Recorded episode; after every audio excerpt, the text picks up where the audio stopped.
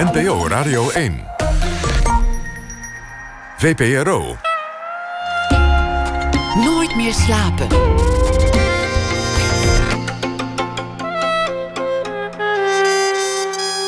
Met Pieter van der Wielen.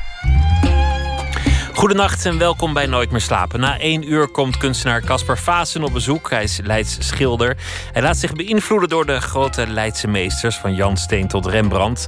Maar gebruikt ook gerust een drone of een fotoprint om tot zijn werk te komen. En nu heeft hij zich laten beïnvloeden door Japan voor een eh, show die te zien is in Leiden in het Sieboldhuis. Hij komt op bezoek na ene. Maar we beginnen komend uur met Miranda van Kralingen. Nog één keer als artistiek leider. En ze zingt zelf ook gelukkig. Staat ze op de planken met Le Nozze di Figaro van Mozart bij Opera Zuid. Een graaf heeft het plan opgevat om te slapen met de aanstaande bruid van een van zijn vazallen. Adellijk privilege moet je het maar noemen, maar de bruid denkt daar zelf heel anders over. En meer van dat soort verwikkelingen in een 18e eeuwse soap. Miranda van Kralingen werd geboren in 1960. Ze speelde over de hele wereld in uh, tal van producties. Een van de Nederlands beroemdste operazangeressen is ze geworden. Ze brak door na een masterclass door legende Elisabeth Schwarzkopf met uh, De Laatste Lieder.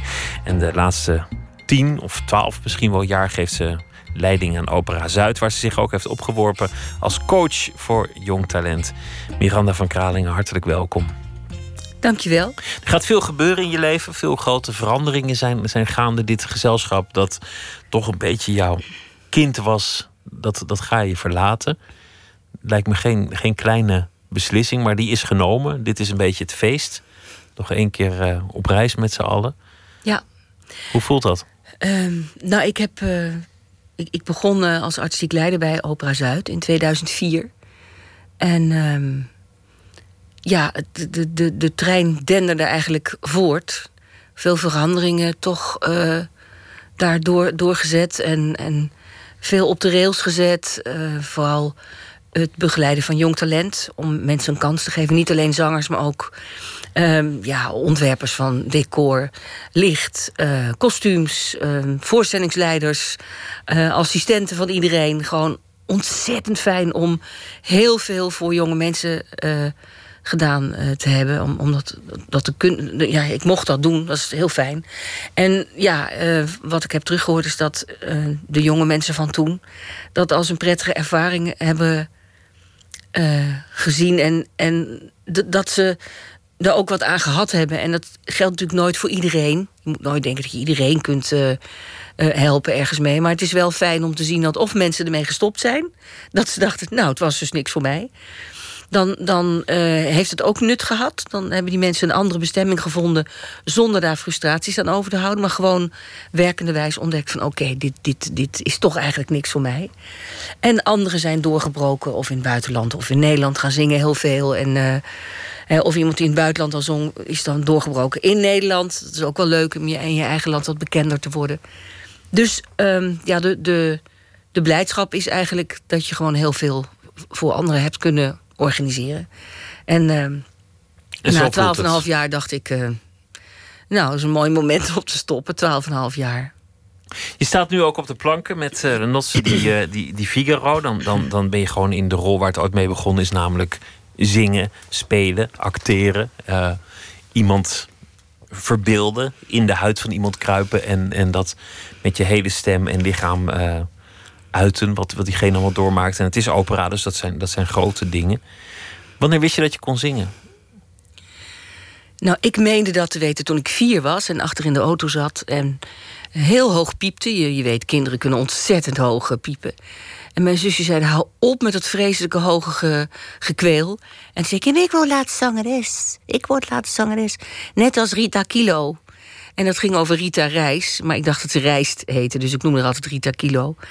Ja, Jazz Behind the Dikes, daar is het denk ik mee begonnen. Mijn vader draaide die plaat veel. En uh, vinyl moet je tegenwoordig zeggen, geloof ik. Ik zeg lekker nog plaat. De LP draaide die helemaal grijs. En ik vond het als kind geweldig. En toen dacht ik, dat wil ik ook. Ik wil die muziek zingen, ik wil zingen. Maar dat was jazzmuziek iets heel anders dan, dan, dan de opera waar je later in terecht zou komen. Ja, nou, ik heb jaren jazz gezongen en uh, allerlei lichte muziekdingen. Want mijn vader was uh, amusementspianist voor de lol. En mijn moeder speelde mooi klassiek piano toen ik uh, klein was. Ik heb het niet echt heel erg meegekregen. Ik zag wel hele moeilijke boeken liggen. Dus ik denk dat ze het heel goed gekund heeft. Maar ze speelde voor mij vooral heel veel kinderliedjes. En er werd van alles gedraaid. Cocktail trio... Um, uh, ja, gut, wat was er allemaal in die tijd te filmen op te noemen. Uh, S'avonds bij het licht der sterren, dat soort nummers. En uh, Wie is Loesje natuurlijk. Dus ik, ja, ik hoorde wel heel veel soorten muziek. En ik vond een liedje zingen gewoon heel erg leuk. Als kind al. Is dat wat het ook gebleven is? De opera, hoe, hoe moeilijk het ook is en, en hoeveel nou ja, decor er ook omheen zit... en hoe, hoezeer je ook een zaal moet bespelen. Is het toch nog een liedje zingen? Ja, ja. Ja, ik, ik, ik um, nam het besluit in. Uh, oh, gutte, gut, wanneer was dat? Um, ik denk 2002, 2003. Dacht ik, ik stop met opera. Ik had mijn eigen gebaren zo vaak gezien inmiddels dat ik dacht, nou, dat, ik herhaal mezelf. Wat voor gebaren je, zijn dat? De, de, ja, de een, een, ja uh, of, of dat je op een bepaalde manier kijkt. Of, je, je, ik dacht, het wordt tijd dat ik gewoon dat eens even niet meer doe. Ik had heel erg last van mijn rug. Dat is ook altijd een teken, denk ik dan, dat je even pas op de plaats moet doen. En toen dacht ik, nou ja, wat, wat ga ik dan doen? Toen ben ik heel veel uh, programma's gaan doen met Gregel Bak, uh, met uh, Bert van der Brink. en dat liep echt van Bach tot Broadway. Ontzettend leuk om te doen. Zingend publiek, alles door elkaar. Echt fantastisch.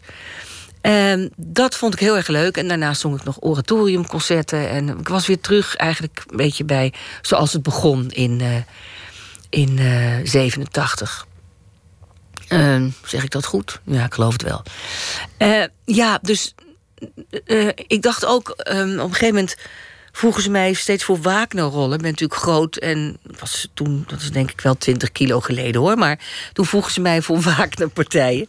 En uh, dachten ze zo'n struise blonde vrouw. Maar ik vond er gewoon niks aan. Ik zal heel eerlijk zijn. Ik dacht, jongen, jongen, en dan vijf uur lang. Dus ik heb één grote Wagner-opera gedaan, Meester zingen.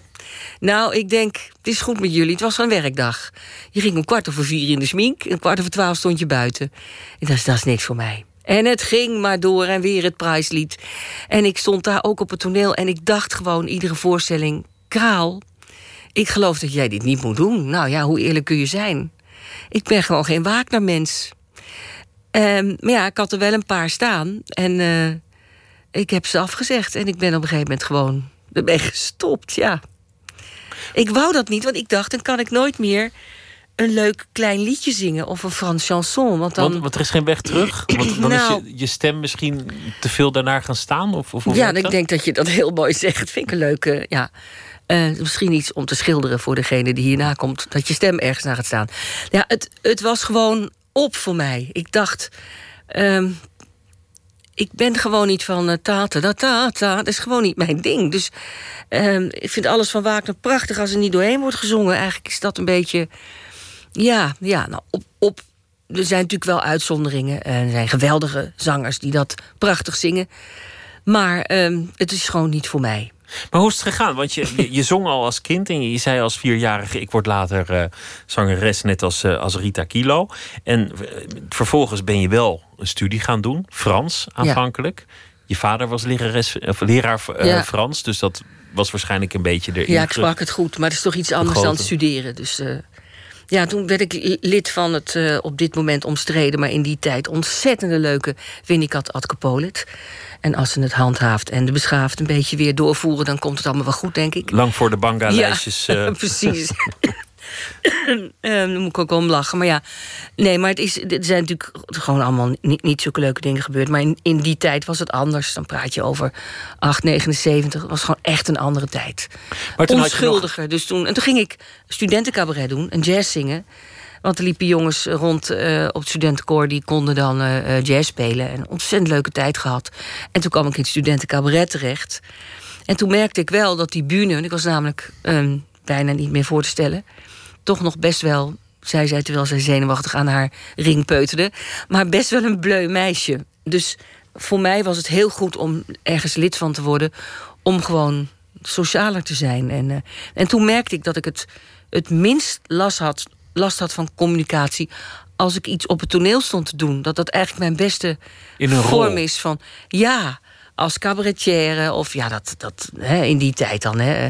Maar dat je gewoon. eh, ja, en dan hoorde je van, hé, dat meisje kan ongelooflijk zingen, zeg jeetje. Nou, en dan dacht ik, oh, oh, ik kan ze vinden dat ik wat kan.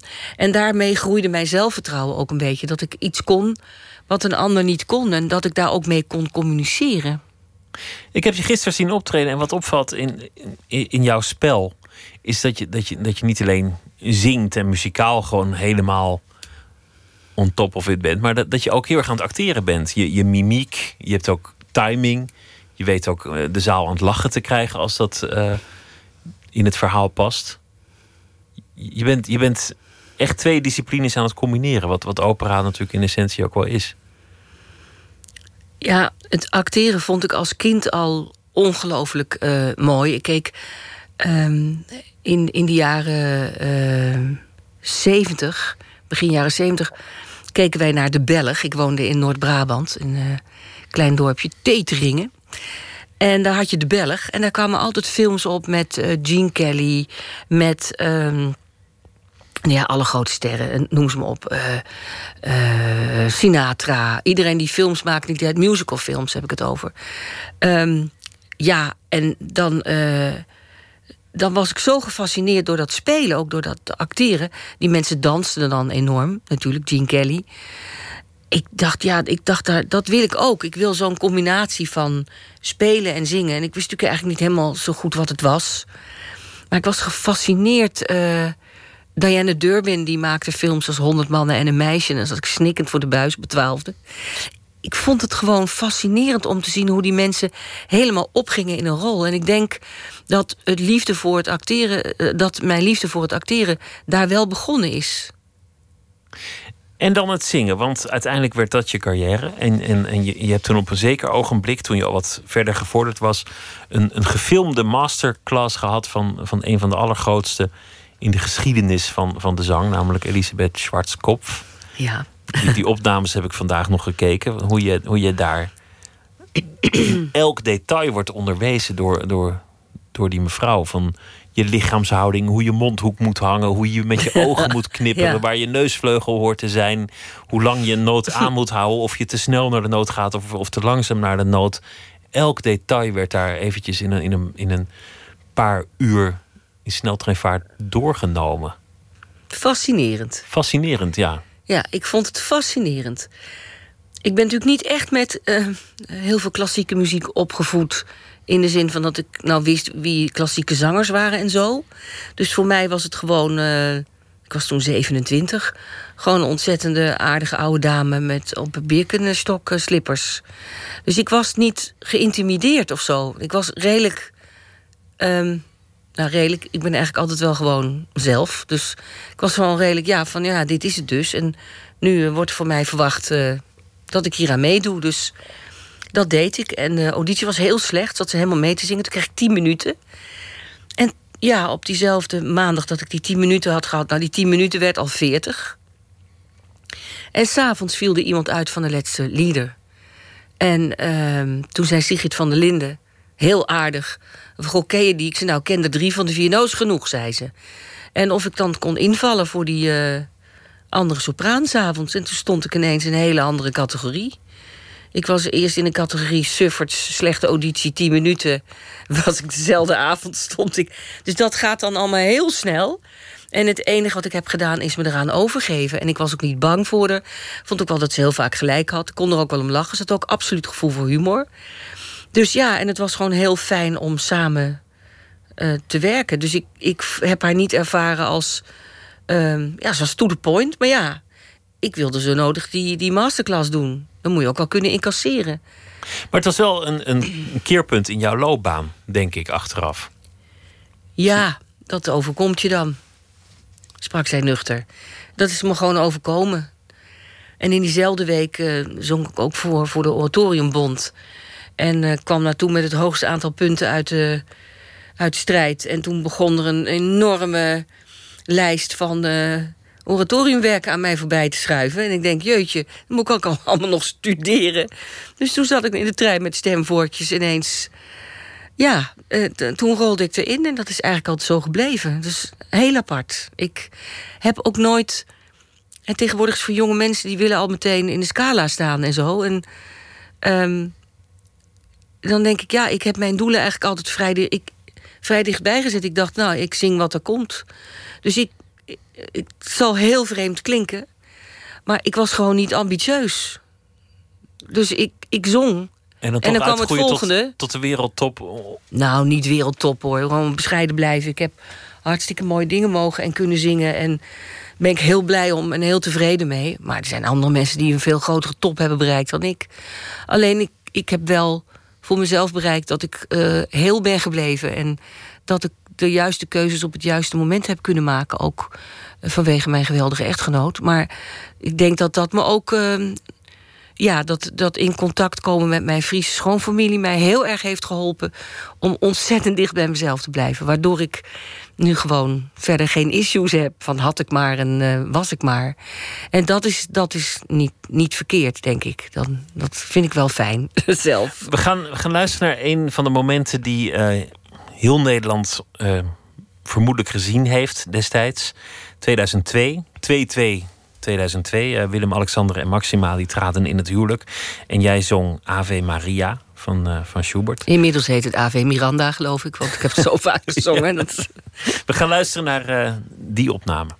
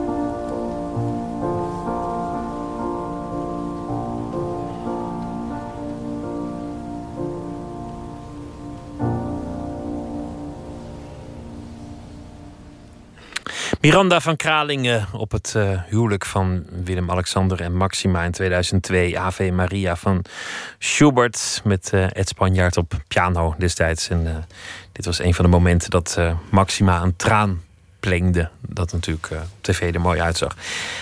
Je zei net, ik, ik heb het altijd goed gedaan in die zin, mede dankzij mijn echtgenoten, mijn Friese schoonfamilie, die mij met de benen op de grond zetten, dat ik geen issues heb gekregen. Die komen natuurlijk veel voor in de operawereld.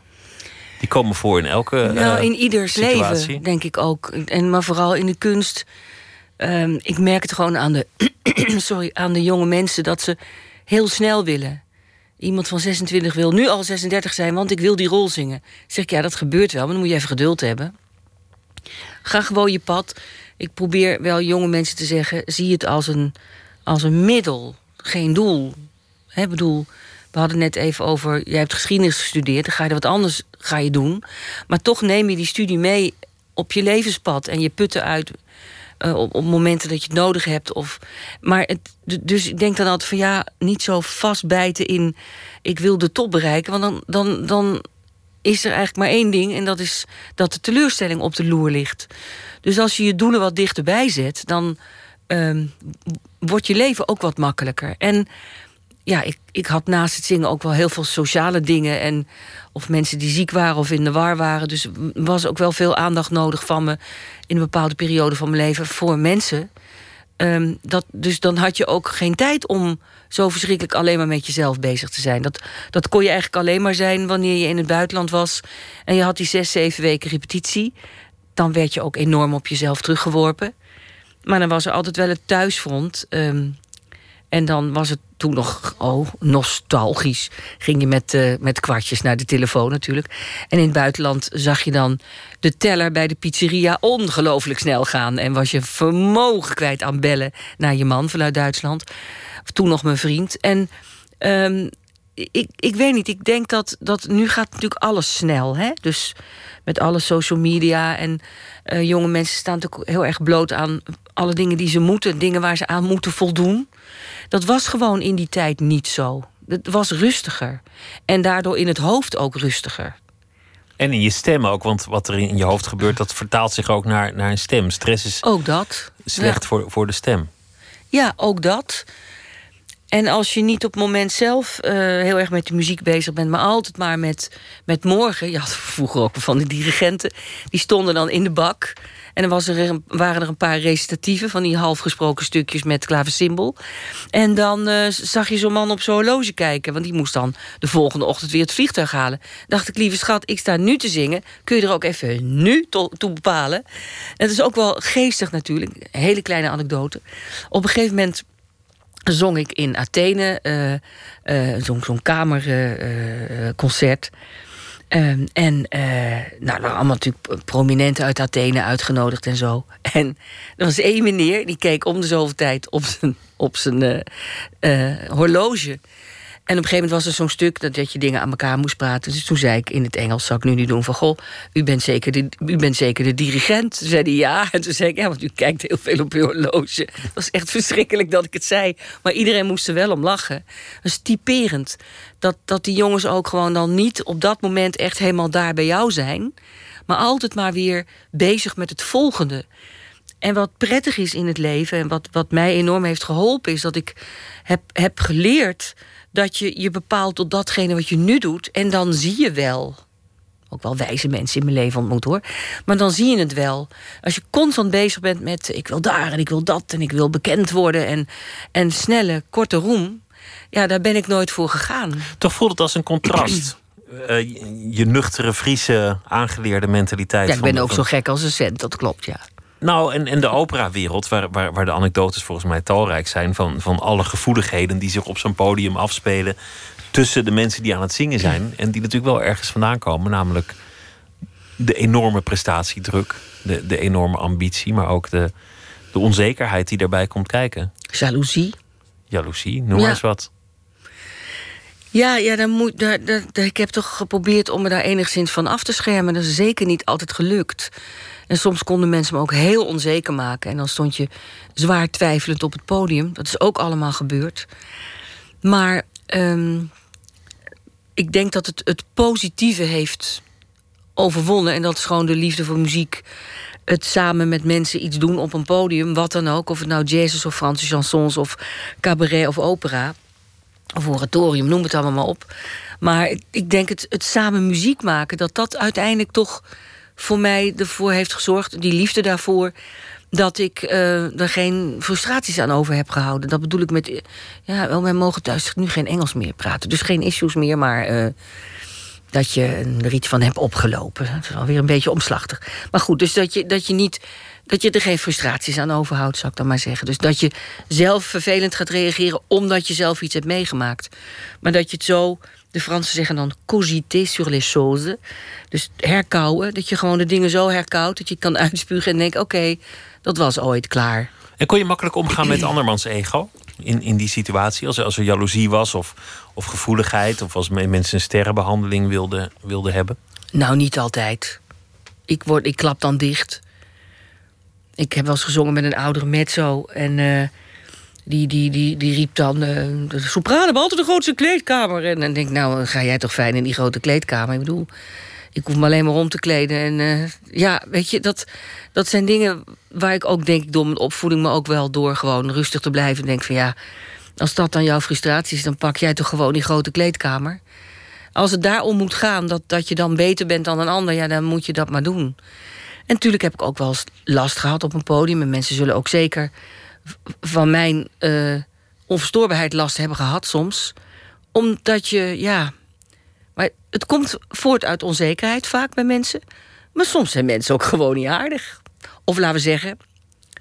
Um, dan zijn ze misschien wel aardig, maar ze doen helemaal niet aardig. Dus dat heb je ook. Je hebt ook gewoon mensen die gewoon ruksigloos uh, zijn en denken van... Uh, nou, is niet zo consequent, hè? Geen Engels, maar wel Duits. Maar goed. Maar mensen die gewoon. Um, we, we, ehm, begrijpen wat hoe je dan ook, hoe dan ook, uh, gewoon die avond gewoon met, met, die ellebogen willen werken. Daar kun je niets aan doen, want dan ga je eraan kapot. Dan moet je, dan moet je het maar laten gaan. En dat, dat heb ik echt moeten leren. Het klinkt bijna als voetbal. Dat je teams hebt waar mensen elkaar de bal gunnen... of teams waarin alle verdetten zelf willen scoren. Ja. is op, op een operapodium ook zo. Ja, nou ja, we hebben nu gewoon een super team. Een super uh, uh, regisseur en dirigent. Arjan Tien, dirigent. En uh, Daniel van Klaver, regisseur. En alles eromheen. Van voorstellingsleider tot noem alles maar op. Fantastische mensen. Waar je blind op kunt vertrouwen. Ook een, ook een, een gevolg van al die jaren samenwerking. En, en dan zie je ook dat, dat het gewoon... Ja, daar is geen... dat, niks escaleert tot iets want iedereen weet gewoon, voor deze rol ben ik gevraagd... en iets anders had ik ook niet kunnen doen. Ja, dan is het simpel. Dan, uh, het, het, problemen ons... On, ik heb wel eens aan een musical meegewerkt... Um, waar ik schijnbaar de hoofdrol in had. Maar dat was na twee weken al helemaal anders. Omdat andere mensen gewoon sneller waren met... ik wil dat nummer, ik wil dat nummer. Ik klap dicht, ik laat het helemaal gaan. Ik, raak daar, ik kan daar helemaal niks mee. Dus dan laat ik het gaan. Ja. Klinkt ook wel verstandig. Had je moeite met, met, met je stem? Want, want je, je moet volgens mij die stem heel erg goed houden. En het is, het is ook soms echt vocale topsport. Mhm. Om zo'n zo'n aria te redden. En iedereen zit klaar voor die ene noot. Mhm. Die moet je, die moet je gewoon hebben. Mhm. Hoe deed je dat? Nou, dat is super stress.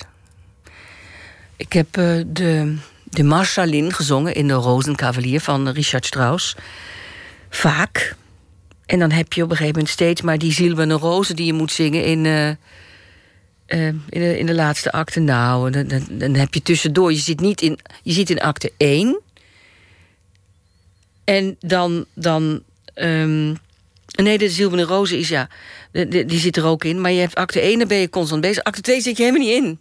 En dan moet je ineens acte 3 weer. Dan heb je anderhalf uur pauze. Nou, dan zit je toch wel uh, in je kleedkamer. Hmm, hmm, hmm, om te hopen dat je die. Dat die stem warm is. Dat hij het nog doet, ja.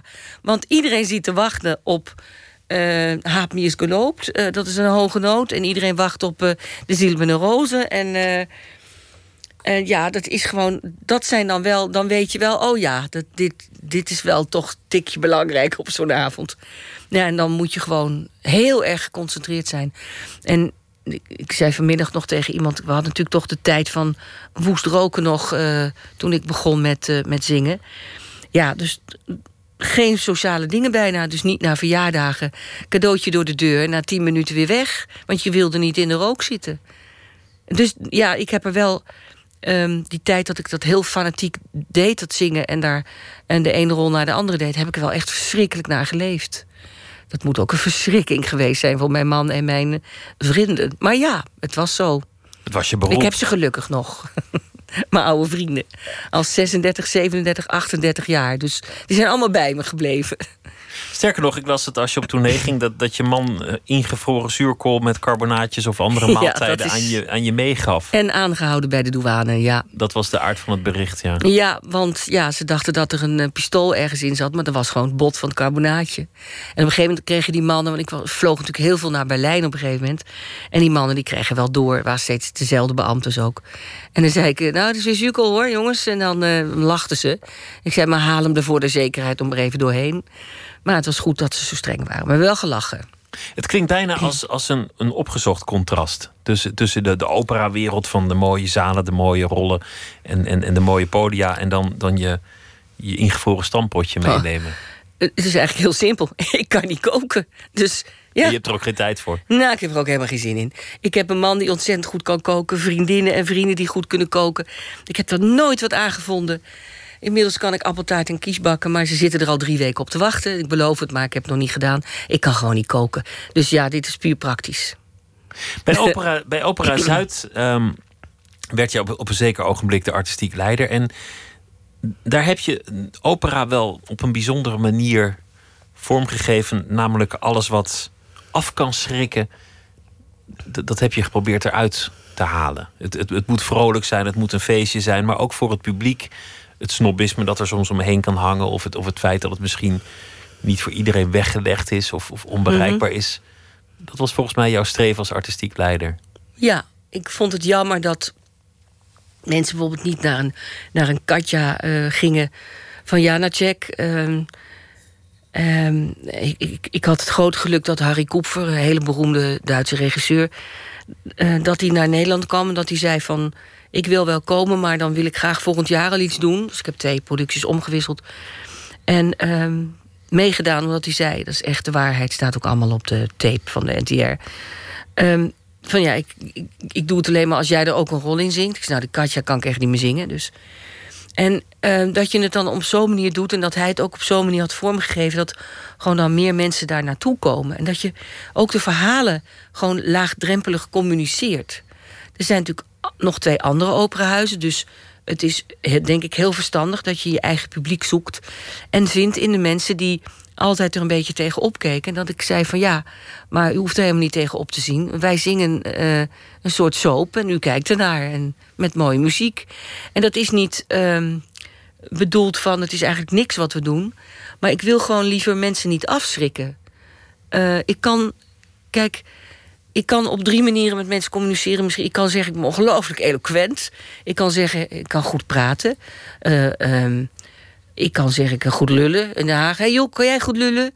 Uh, kan ik ook, daar heb ik ook gewoond. Dus, uh, maar je, hè, ik ben wel bespraakt. Ik bedoel, je kunt op zoveel manieren communiceren.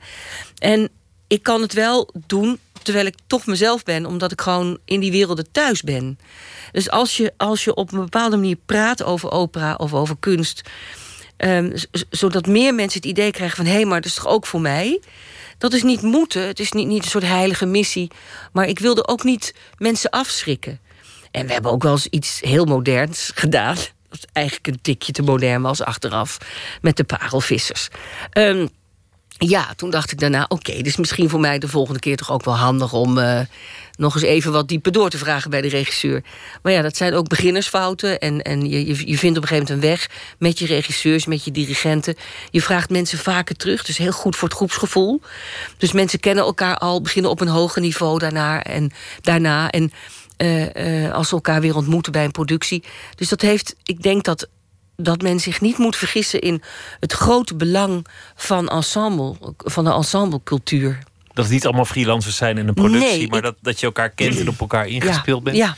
Maar die mentaliteit, hè, je kunt zeggen eloquent, welbespraakt of, uh, of, of hij, hij, lult lekker. Ja, lekker. Ja. Zit, zit, dat, zit dat ook in, in hoe je zingt?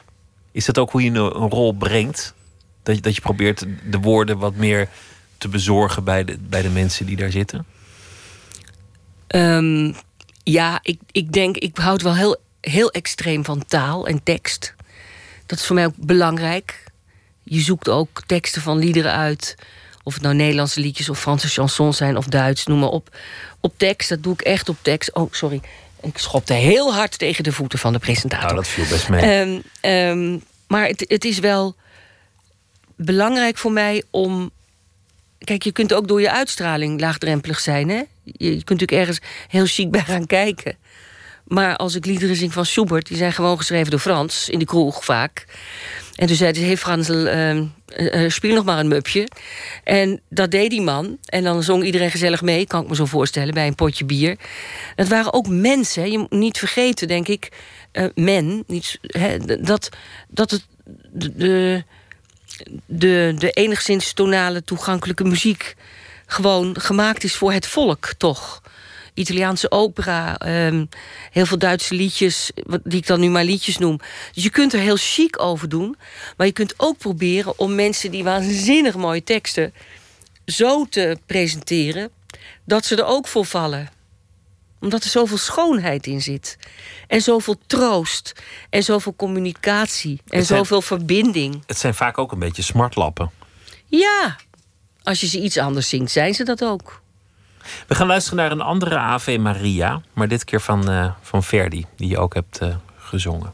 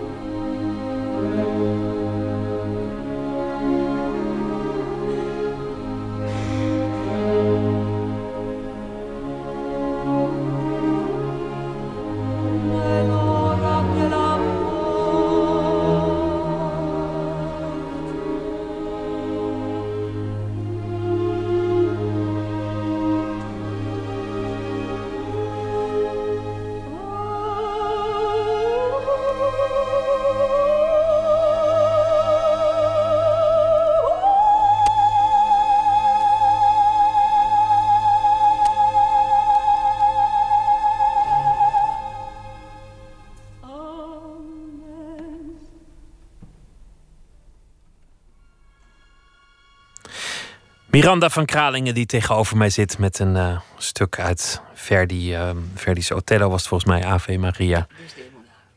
Aria. Ja, er zit nog een enorme aria voor, maar dat uh, leek me wat lang.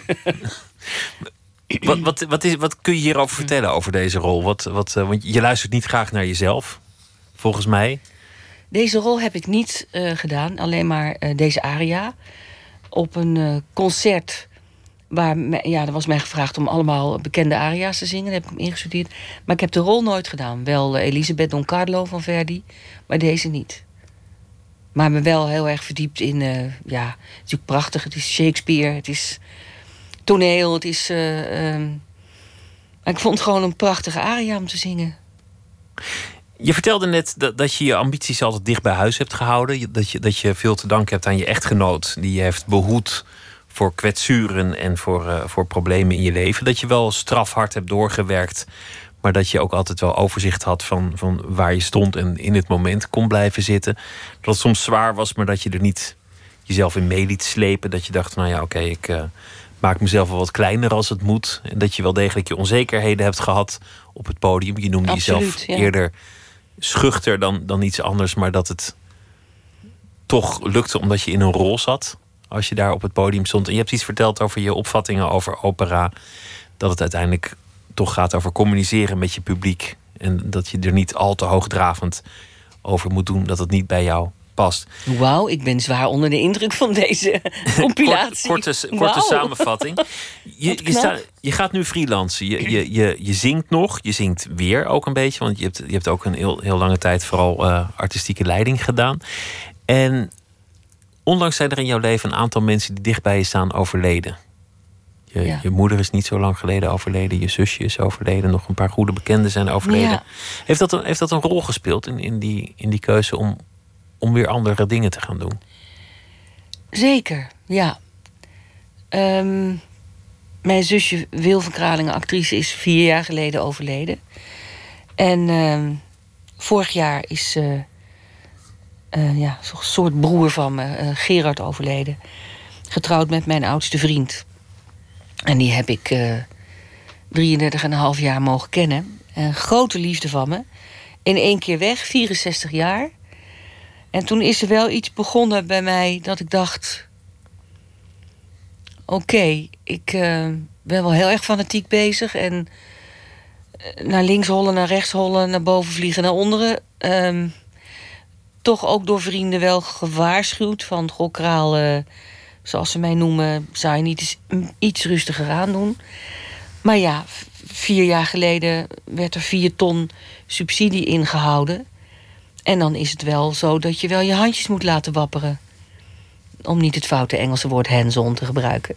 Dus uh, dat ga je dan doen. En dan ga je nog meer uh, ja, proberen dingen te regelen en op te vangen. En ook heel veel dingen die mensen niet weten, die ze ook niet kunnen zien. En dat is gewoon te ver doorgeslagen. Het hield gewoon nooit meer op. Dus ik werd zo opgeslokt door alles dat ik dacht van ja, dit. dit ik merkte ook wel dat het niet goed met me ging, maar um, ja, het was krankzinnig druk. En um, en dat zijn ja, geen leuke, leuke dingen om te moeten doen. Bezuinigen is iets dat moet gebeuren, dat nou, goed moet gebeuren, maar leuk is, is de vraag of dat had gemoeten, maar uh, blijf ik uh, toch ferm zeggen. Maar het uh, was niet de handigste actie. Maar het is dan, en dan, dan wordt het heel veel. Dus op een gegeven moment kwam de kritiek door de Raad van Cultuur van uh, heel veel dingen naar, naar zichzelf toetrekken. Toen dacht ik, ja, lieve schatten, als je de vier ton afhaalt. Natuurlijk ga je dan zelf heel veel dingen lopen doen. Want ik ben mijn hele leven lang al ZZP'er. Ook in die uh, hoedanigheid van uh, algemene artistiek directeur was ik ook gewoon ZZP'er. Want daarnaast ben ik wel degelijk blijven zingen ook. Omdat ik dacht, ik moet dat ook als ding van mezelf bij blijven houden. Ik ben concerten blijven doen en, en tal van dingen nog blijven doen. Een aantal rollen ook meegezongen. Achteraf is dat ook heel verstandig gebleken. Omdat de regisseurs waarmee ik werkte en dirigenten ook wel zeiden... je moet toch niet helemaal gaan stoppen. Dat heb je nu een aantal jaar gedaan. Maar je moet wel bezig blijven als je stem het nog doet. En heel veel dingen gaan zich in je achterhoofd gewoon vastzetten. En toen ik die mensen verloor en ook, ook nog weer mijn andere zusje kreeg ook borstkanker. En, En toen dacht ik nu, nu, dat was op 17 maart, dat ik dacht, ik ga nu, uh, ik ga dit, ik ga. Ik weet niet wat ik ga doen, maar dit ga ik niet meer doen. Zo ook, overal achteraan hollen. Het was ook een confrontatie dus, met, met wat eigenlijk belangrijk voor je was in je bestaan. Van waar het eigenlijk over moest gaan. Ja, over. Kijk, ik roep nou wel van oh, communicatie met het publiek, ja. Maar je moet ook communiceren met je naasten. En je moet er gewoon meer tijd aan besteden. En het is natuurlijk prima dat, dat je zegt van... ja, we kennen elkaar al zo lang, als we zien is het weer goed. Maar je moet ook wel op de hoogte blijven van mensen hun leven. Je, je moet je daar ook weer... je moet ook de ruimte in je hoofd hebben... om je daarvoor te kunnen interesseren. En als je zo achter alles aanholt... en het werk is eigenlijk nooit af... En, en ja, dat heeft natuurlijk ook te maken met je, met je eigen kwetsbaarheid ik ben niet bang voor, uh, voor mijn sterfelijkheid of zo, dat is het niet. Maar het is meer het totaal van, van um, jeetje, wat zijn die vrienden die ook op 12 november allemaal bij mijn afscheid waren. Ongelooflijk dierbaar. Mensen die je al zo lang kent dat die er zijn. En echter ook, ik voelde ze ook in de zaal, die waren er gewoon. Dat is natuurlijk wel fantastisch. Dat je, dat je, maar dat heeft van hen ook wel heel erg iets gevraagd in de jaren dat ik acht maanden per jaar van huis was. En thuis kwam drie dagen en dacht, wat doe ik hier eigenlijk? Omdat je helemaal ontheemd raakt van al die hotelkamers en zo. Ik wou dat toen al niet meer, dat met die opera. Maar nu dacht ik, na twaalf en een half jaar... Um, echt super hard te hebben gewerkt. En dat werd dus extreem veel de laatste eigenlijk al zes jaar. Omdat je al voelt naderen, oh jee, subsidie. En dan, dus dat is... Um, ja, er is zoveel gebeurd en zoveel gevaren. Uh, waar je dan toch. Ik ben natuurlijk best wel een fanatiek iemand. Als ik iets wil verdedigen of uh, als ik voor mensen ga, dan ben ik wel. Ja, ben best wel fanatiek en, en ook niet altijd even diplomatiek geweest, maar wel altijd voor de zaak. En of dat nou een persoon was of de zaak zelf, wel altijd. Um, maar je moet dat wel met veel meer mensen samen kunnen doen. En dat, ik voelde dat niet meer. En toen dacht ik, dan, dan is het alleen nog maar rennen, vliegen, hollen... Uh, alle ballen in de lucht houden waarvan ik dacht dat ik dat moest doen. En niet... Ik, het was gewoon... Ik had gewoon veel te weinig aandacht voor alles om me heen. Hoe is je man daarmee omgegaan? Hij is nog bij me. We zijn nou. bijna 35 jaar bij elkaar. Dus uh, dat heeft van hem heel veel gevergd. Al die jaren, heel veel. Maar je omschreef hem als een nuchtere Fries. Dus die, die, die doet dat schouderophalend. Nou, ook wel knarsetandend. En dat hij met mijn telefoon boven het toilet stond en zei... nou, kies maar. Wat gaan we doen dit weekend? Het hele weekend op je telefoon kijken? Of gaan we ook nog samen iets ondernemen? Dat ik dacht, oh, oh. En dan, eh, nee, nee, nee, nee, nee, zei ik dan. Niet erin gooien. Nou, maar dat zijn wel dingen die dan gebeuren. Hè, waarvan je denkt, oké, okay, uh, hier moet ik toch wel iets mee. En uh, ik, moet, ik ben hardleers, want ik denk dan altijd toch wel van ja, maar het moet wel gebeuren. Maar ik, ik merkte ook dat ik het niet meer kon. Ik, ik kon het ook niet meer uh, geschrokken van, van de vele mensen die de afgelopen. Nou, toen mijn zusje overleed vier jaar geleden, waren er daarvoor nog vijf en daarna nog één. In, in, in zes maanden zeven mensen of zo. Ik trok dat helemaal niet meer. En eigenlijk is dat de laatste vier jaar bij me gebleven ik kreeg het niet meer verwerkt. Ik, ik, en ik ben heel, ook heel rationeel. Dus ik kan met mijn hoofd heel goed sturen. Nee, doet nu dit en dan ga je dat. Maar dan ga je fysiek toch ook... gaat niet goed. En uiteindelijk heb ik gewoon moeten toegeven... dat ik dit, dat dit niet meer een zaak was van volhouden voor mij. En dat ik me los moest maken. En um, gewoon veel moet gaan zingen. Het, eh, het geluk dat je hebt is dat je stem het nog doet. Dat je nog kunt zingen. Er zijn natuurlijk ook mensen met, met hele intensieve opera-carrières die op een zekere leeftijd het gewoon niet meer redden. Dat, dat die stem versleten is. Ja, nou ja, dat, dat komt denk ik ook omdat ik gewoon uh, zes, zeven jaar gestopt was met opera zingen. En daardoor dus niet, niet in die Wagner-kant terecht kwam of zware Verdi's. Waarvan ik zelf toch eigenlijk wel voelde dat ik dat niet kon. Kijk, ze zeiden altijd, je bent zo dramatisch. Ja, dat is mijn spel. Maar die stem die had dat niet getrokken. En ik denk toch dat, dat die pijn in mijn rug... op een gegeven moment ook een teken was van... ja, doe maar niet. Ik geloof wel in dat soort tekenen. Ik ben alleen soms heel erg dom en luisterde niet naar. Maar ik vond wel... ik zag ook toch wel aan, aan, aan mijn vrienden, aan mijn man... die maakten zich echt zorgen. En ik kreeg toch wel heel veel signalen van... eh, zeg, Kraal, eh, hoe zit het nou? Je had toch gezegd dat? En eh, ja, en toen het met mijn, mijn zusje gebeurde in maart... toen dacht ik, it's now or never. En dat, ik dacht dat... We bespraken dat op 17 maart en 23 maart... heb ik tegen mijn raad van toezicht gezegd... ik doe geen nieuw kunstenplan meer. Nou heb ik je gisteren zien optreden in, in deze voorstelling. En dat is, dat is een feestje, Le Nozze di Figaro. Maar je staat Ja, er ook super, met, met enorm veel plezier. Met, met aanstekelijke pret. Sta je er. Is, is, is dat ook waar je nu het meest lol in hebt? Ja, ik, ik merk wel dat, dat ik, nu ik het heb losgelaten... en nu ik heb gezegd, ik doe dat niet meer... en ik vind dat ik het hartstikke tof 12,5 jaar volgehouden heb... eh, ontzettend veel gebeurd, heel veel geleerd. Ben eh, mijn, mijn eh, oude voorzitter, de heer Henk Kievits... heel dankbaar dat hij mij dit ooit heeft toevertrouwd. En ik heb dat ook echt met groot fanatisme gedaan. En dan merk ik toch nu, ook in zo'n rol... ik sta op toneel en dan denk je... goh, ehm, ik ken mijn tekst, ik kan erbij. Ik, ik, zie niet op tegen een hoge noot... want die, die, die zijn anders dan vroeger... dan, dan de fragiele noten in, in Richard Strauss. Ehm, ehm, om maar een mooi woord te gebruiken. Maar dat is het niet. Dus dit is allemaal gewoon helemaal binnen de range die je nu nog hebt. En dan vind ik het gewoon. Is het zo ongelooflijk bevrijding dat je zo'n podium oploopt en je gewoon precies weet wat je zingt.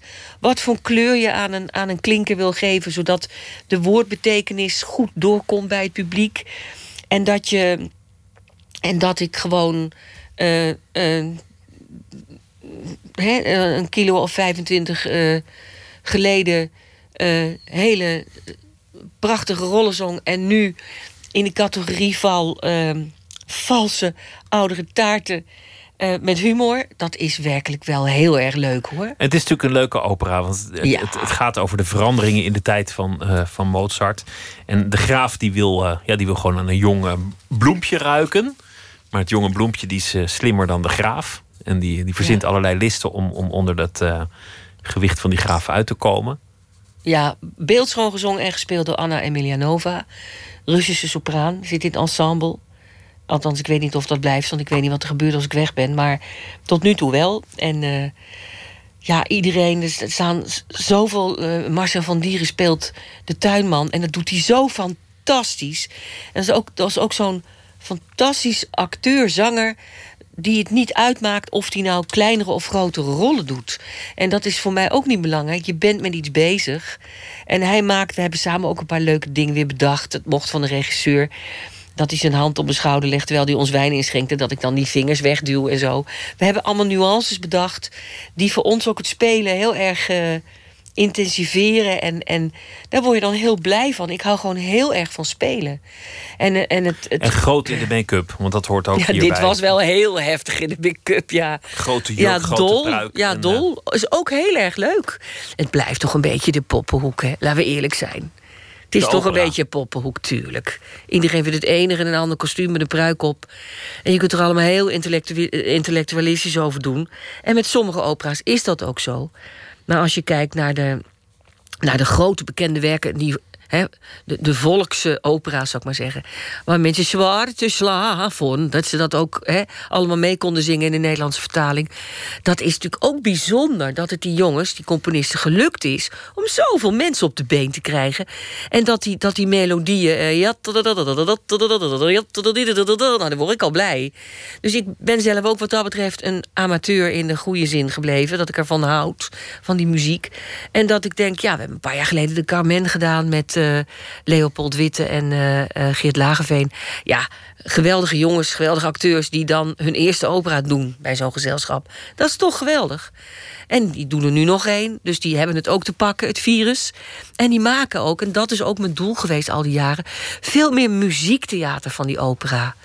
Wat, dat, zodat het ook voor jonge mensen iets wordt dat zij het ook weer leuk gaan vinden en het misschien ook weer doorgeven aan hun kinderen. Want iemand vroeg aan mij: ja, wa- waarom wil je nou zo nodig dat allemaal doen? Nou, ik denk dat de muziek het waard is van eeuwen geleden om tot in lengte der eeuwen nog uitgevoerd te worden. Ik wens je heel veel plezier met alles dat eh, gaat komen. En in de eerste plaats met uh, Le Nozze di Figaro. Miranda van Kralingen, dank je wel. Graag gedaan en vond een heel fijn gesprek. Dank je wel. Dank je wel. Zometeen eh, gaan we verder met Nooit meer slapen. Twitter, het VPRO NMS. We zitten op Facebook en u kunt zich abonneren op de podcast via de website van de VPRO. vpro.nl slash nooit meer slapen. Op Radio 1, het nieuws van alle kanten.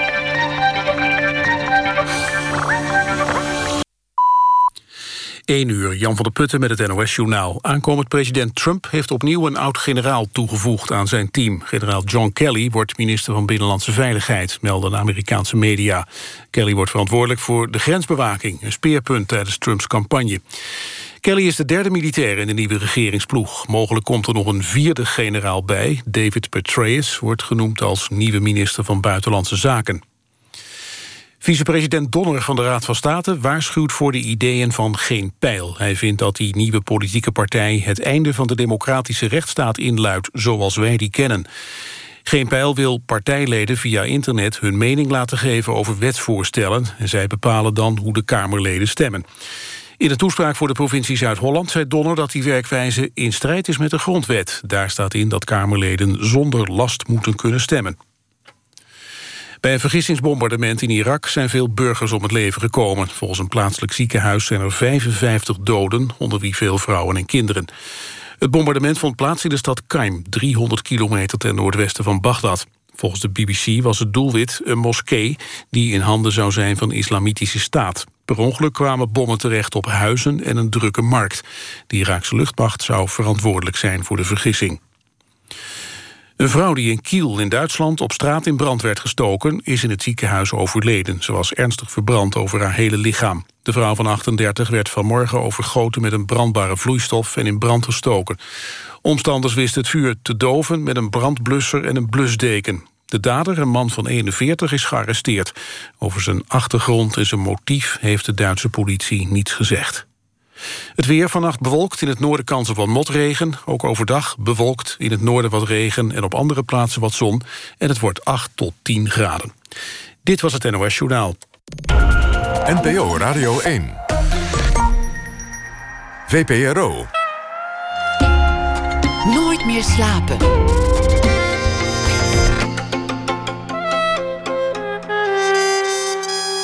Met Pieter van der Wielen. Het leven in 50 smartlappen, dat bekijken we met schrijver Erik Nieuwenhuis. Hij schreef een boek over het levenslied Bloedend Hart. Kunstschilder Casper Vaas is op bezoek. Hij heeft een expositie in het Japan Museum Sieboldhuis... waar hij eh, fotografie, schilderkunst en Nederlandse Japanse cultuur weet te combineren. De titel is ontleend aan Couperus, De dingen die voorbij gaan. Op deze plek eh, niet zoals gebruikelijk een schrijver die reageert op de voorbije dag met een verhaal. Maar we gaan eh, kijken naar de jeugdige verhalen van inmiddels gevestigde schrijvers. Dat is uh, naar aanleiding van een nieuw nummer van literair, literair tijdschrift Das Mag. Gekrenkt en hongerig heet het. En dat bevat ongepubliceerd werk van uh, jonge schrijvers... die inmiddels niet meer zo jong zijn, maar wel gevestigd. Vannacht Kees het Hart. Hij is uh, schrijver van vele romans, verhalenbundels, poëzie en essays. Zijn laatste romans waren Hotel Vertigo en Teatro Olimpico. Goedenacht, Kees. Ja, hallo, dag. Je jeugdverhaal, uit, uit welke jaar ja, dat? Ik schreef vroeger, uh, nou dat is al ruim 50 jaar geleden, dat, eh, dat schreef ik gedichten. Hè. Ik, ik ben nu uh, hoofdzakelijk proza-schrijver, maar ik begon als dichter. En uh, dat, ja, dat zijn typische jeugdgedichten, ja. Nou ja, en... Wat is een typisch jeugdgedicht? Een typisch jeugdgedicht dat is uh, van een schrijver die uh, nog niet helemaal snapt uh, dat, je, dat schrijven ook wel een vak is. En uh, die, die uh, een gevoelsuitstortingen doet. Uh, nou valt dat in deze gedichten wel mee. Die had ik al achter de rug. In mijn achttiende schreef ik van die, van die pubergedichten, zeg maar erg geïnspireerd door de vijftigers en, en dat soort uh, werk. Verschrikkelijke slechte gedichten. Uh, die hier in Das Mag staan, dat zijn gedichten, die zijn alweer een fase verder. Zo iets ouder, 20, 24. En toen las ik, was ik toch sterk onder de indruk van Cornelis Bastiaan Vaandrager. Maar zo goed als hij dat kan, de kroketten in het restaurant zijn wel wat aan de kleine kant. Ja, dat, dat, dat is niet haalbaar. Later ging ik heel ander werk maken. Dat is trouwens wel een pareltje, zeg. De, de, de kroketten in het restaurant. Zijn, wat zei je nou? Zijn wel wat aan de kleine kant. Prachtig. kijk, dat, ja, dat, dat, is, is af- dat is een hoogtepunt hoor. dat vind, ik, vind, ik, vind ik echt een goede vondst. Ja. Schrok je ervan dat de, de jongens van Das Mag dachten... we gaan eh, ongepubliceerde je- jeugdverhalen van bekende ja, schrijvers... ja, daar schrok ik wel van. Het is eh, we- werk eh, wat- wat ik destijds schreef, nou, dat heb ik nooit eh, gepubliceerd. Eh, dat vond ik toch, toch later echt veel te slecht. En, en ik heb zelf overigens wel in die tijd die gedichtjes eh, eh, eh, eh, bij elkaar geknutseld en er een bundeltje van gemaakt. En dat heb ik eh, destijds aan mijn eh, vrouw, nog steeds mijn vrouw trouwens, maar eh, op haar verjaardag gegeven. En eh, dus wat dat betreft vond ik het toch wel, wel ja, het was wel wat. en zo maar is het ook bewaard gebleven. Ja, het is, het is zo bewaard gebleven, maar het was niet de bedoeling dat ik het zou gaan publiceren. Maar ja, dat mag, nou ja, goed. Vooruit. Vooruit. ja, ik, het, het, het is heel erg, maar ik moet er zelf wel een beetje om grijnzen. En, en eh, ja, nou ja, goed. Nou, voor de draad ermee, laten we horen. Ja, ik, ik lees er drie. Eén, dat heet eh, Tot ziens. En dat gaat zo. Mijn privékabouter, die bruine, lag de hele dag te het neuven. Of het nu met de kat of de dienstmeid was, geen zee ging hem te hoog. In het begin, zo schreef hij, krijg je wel eens rare gedachten. Maar dan wissel je een keertje en alles gaat weer zijn gang. Ondertussen raakte ik verwikkeld in zakelijke problemen die me helemaal niet lekker zaten, zodat ik mijn bruine vriend uit het oog verloor. Nu het te laat is, huil ik stil tussen de rijpende kersenbomen. Tot ziens, schreef hij nog, maar dat is alweer tien jaar geleden.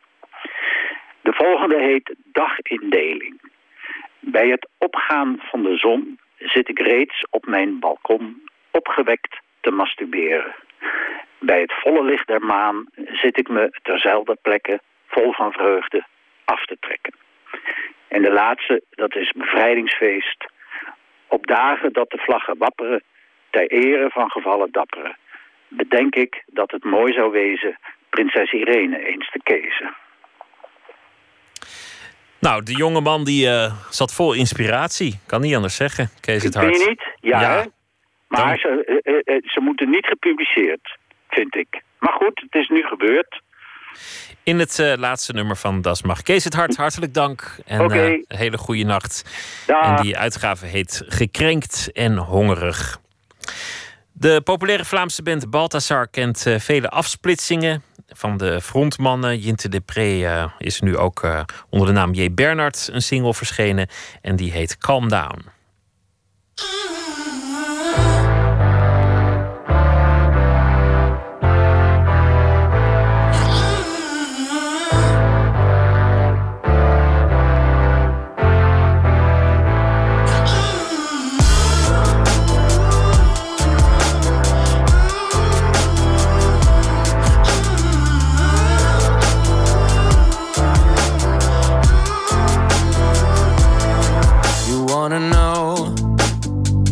See it coming, used to see it turn from within. I wanna know. A nickel for your thoughts, a dime for a touch on your skin. Never get enough, a touch from the soft and the rough. Even we know it's not the way we do things, not the way they do around here. Calm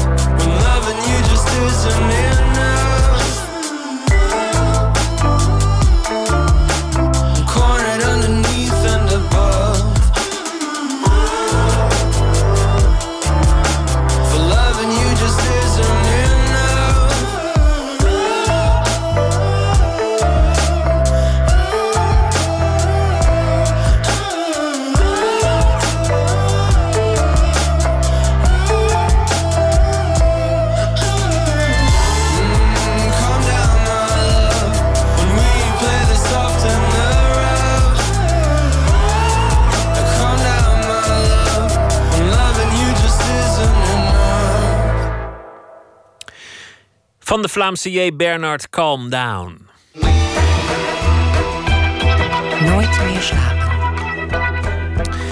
Smartlappen, het levenslied. Is dat uh, kunst? Jazeker, zegt Erik Nieuwenhuizen. In ieder geval een goed deel ervan zou je onder de noemer kunst moeten scharen. Vrijdag verschijnt zijn boek Bloedend Hart. Het leven in 50 Nederlandstalige hits. En onze verslaggever Remy van der Brand luisterde thuis bij Erik Nieuwenhuis in Amsterdam naar een paar van zijn favorieten. En dat deden ze onder het genot van een bakje pleur.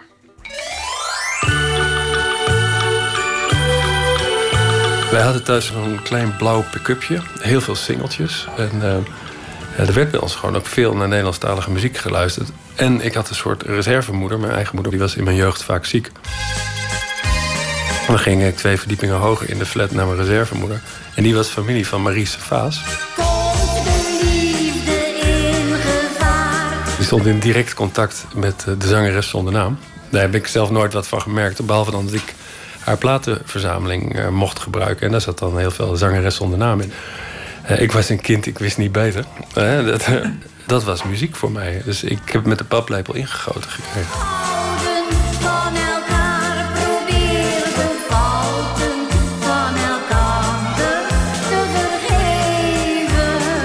En na die paplepel volgde het knapenkoor met de klinkende naam De Juiste Toon. Vlak bij de haven staan heel oude huizen.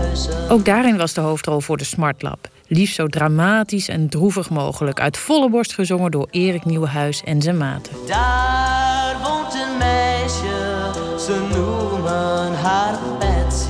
Uh, Betsy, uh, van Rijn de Vries. Waarbij iemand uh, verliefd wordt op iemand anders. En het einde van het nummer is dat degene op wie die verliefd wordt... Uh, in de rivier wordt teruggevonden. Dat is genre. Versleten zijn Betsy haar kleren. Dus ik had in die tijd nog wel medestanders die het ook mooi vonden. Later merkte ik wel dat het, heel veel mensen Nederlandstalige muziek... alleen maar voor de camp beluisteren. Dus alleen maar dat je er dan zo leuk over kunt spotten. En dat heb ik zelf eigenlijk helemaal niet. Ik vind dat heel veel Nederlandstalige muziek echt best mag zijn.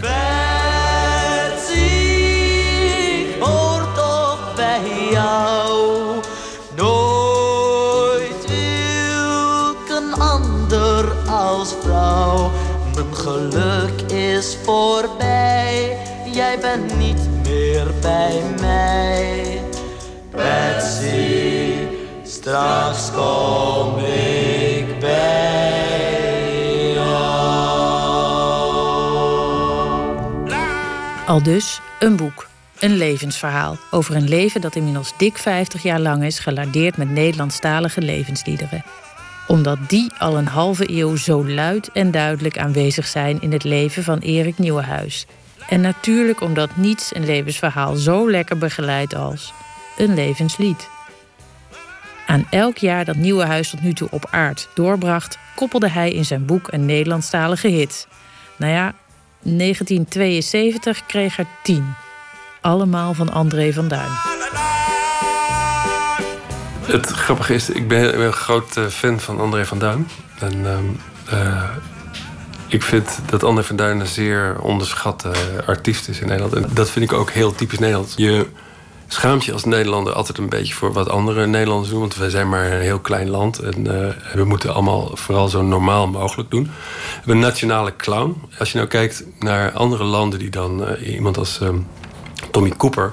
Tommy Cooper is alom gerespecteerd. Dat vindt iedereen fantastisch. En uh, ook in Nederland vindt iedereen dat fantastisch. Want wij hoeven ons er niet voor te schamen.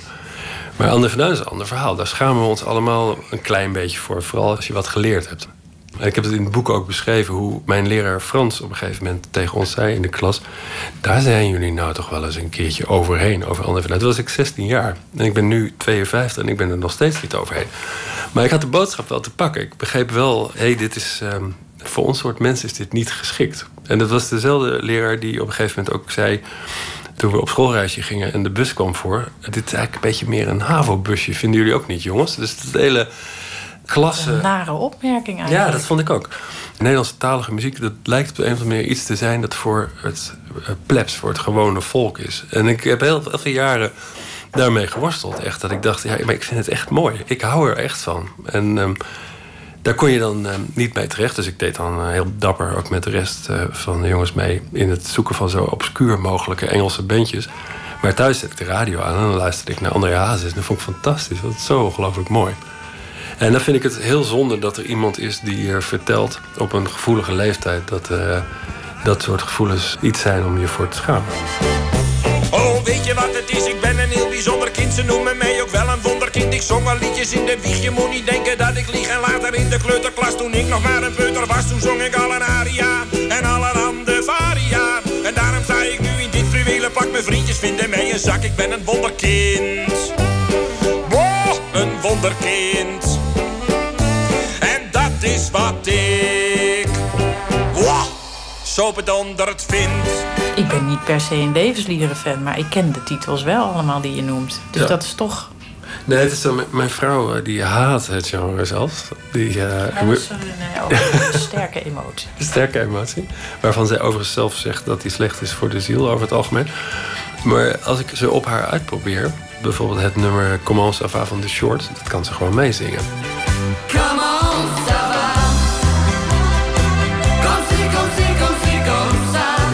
Dus wat dat betreft heb je ook gewoon met zo'n boek ehm, een soort grootste gemene deler. Mijn leven heeft dan wel een paar rare wendingen genomen die de levens van andere mensen misschien niet nemen. Maar één ding delen we toch wel. We kennen die nummers van de radio, kennen we allemaal. Heb je ooit een van die mensen ontmoet? Ja, niet zo heel lang geleden ben ik eh, naar de Dik voor elkaar show. Een jaar of drie geleden eh, naar opname van de Dik voor elkaar show geweest met mijn zoon. Mm, We zijn allebei eh fans. En ehm, toen hebben we André van Duin van heel dichtbij gezien. Hij ging handtekeningen uitdelen. En ik kom ook wel eens bij een ander concert en dan weet de artiest niet hoe snel die in de coulissen moet verdwijnen en dan eh, naar de champagne en de, de bitterballen moet. En André van Duin stond volkomen op zijn gemak. En dat doet hij waarschijnlijk avond aan avond. Praatjes te maken met iedereen die de moeite had genomen om naar hem te komen kijken. Voor de rest eh, hou ik meestal een veilige afstand, denk ik toch, tot eh, de dingen waar ik over schrijf. Oh ja. Ja.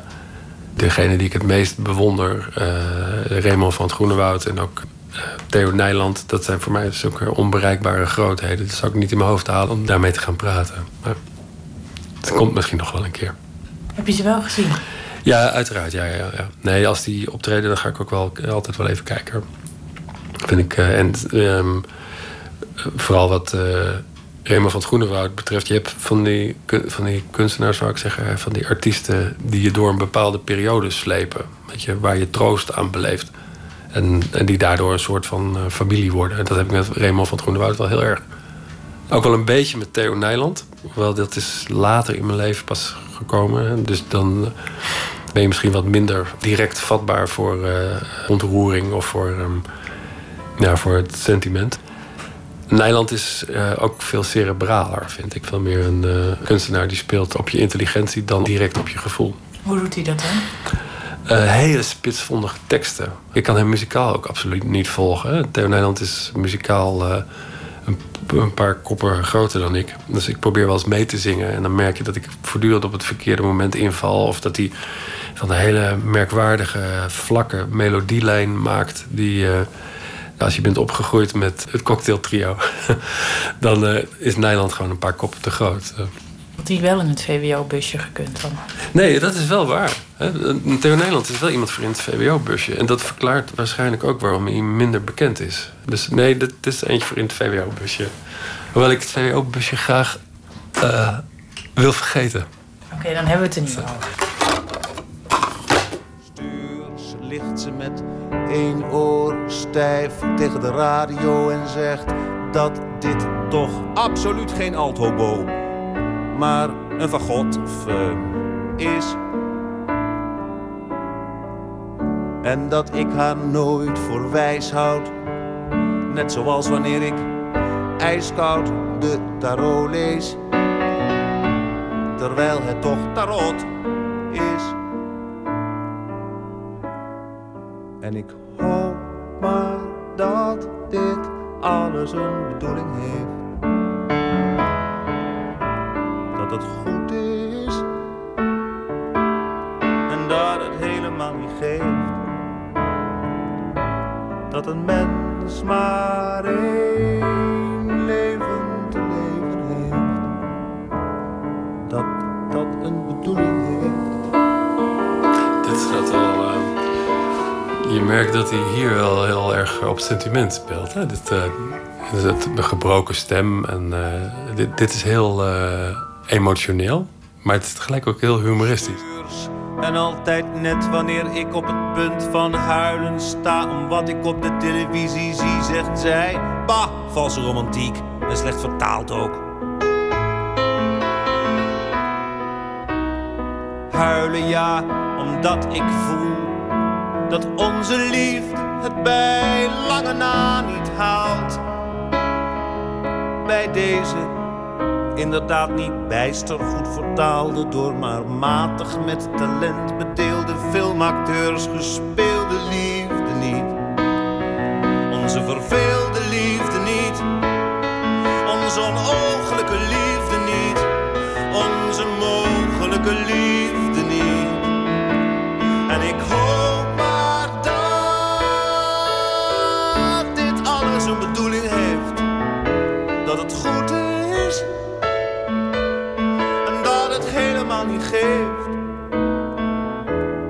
een mens maar één leven te leven heeft. Dat dat een bedoeling heeft. Dat ik de moed niet heb om bij haar weg te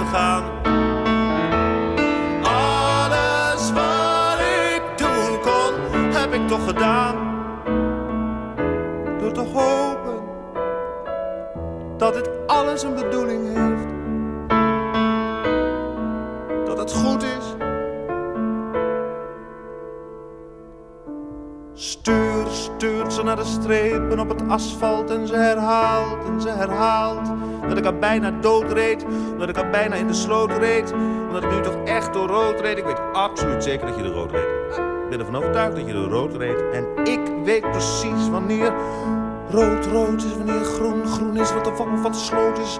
Wat het leven of de dood is, dat het haar alleen maar om te doen is. Maar ik zeg iets, uh, schat, dat wel herkenbaar toch?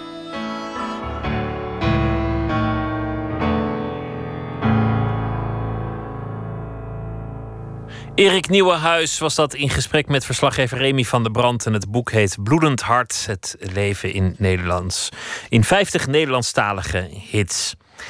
Hij is een Amerikaan, een baardige producer van uh, muziek die, die zelf ook maakt. Hij is een, en zij, zij is een uh, piepjonge Britse zangeres die folkmuziek zingt. En ze hebben samen een album gemaakt vol nummers van anderen. En hier zijn Matthew E. White en Flo Morrissey met Grease.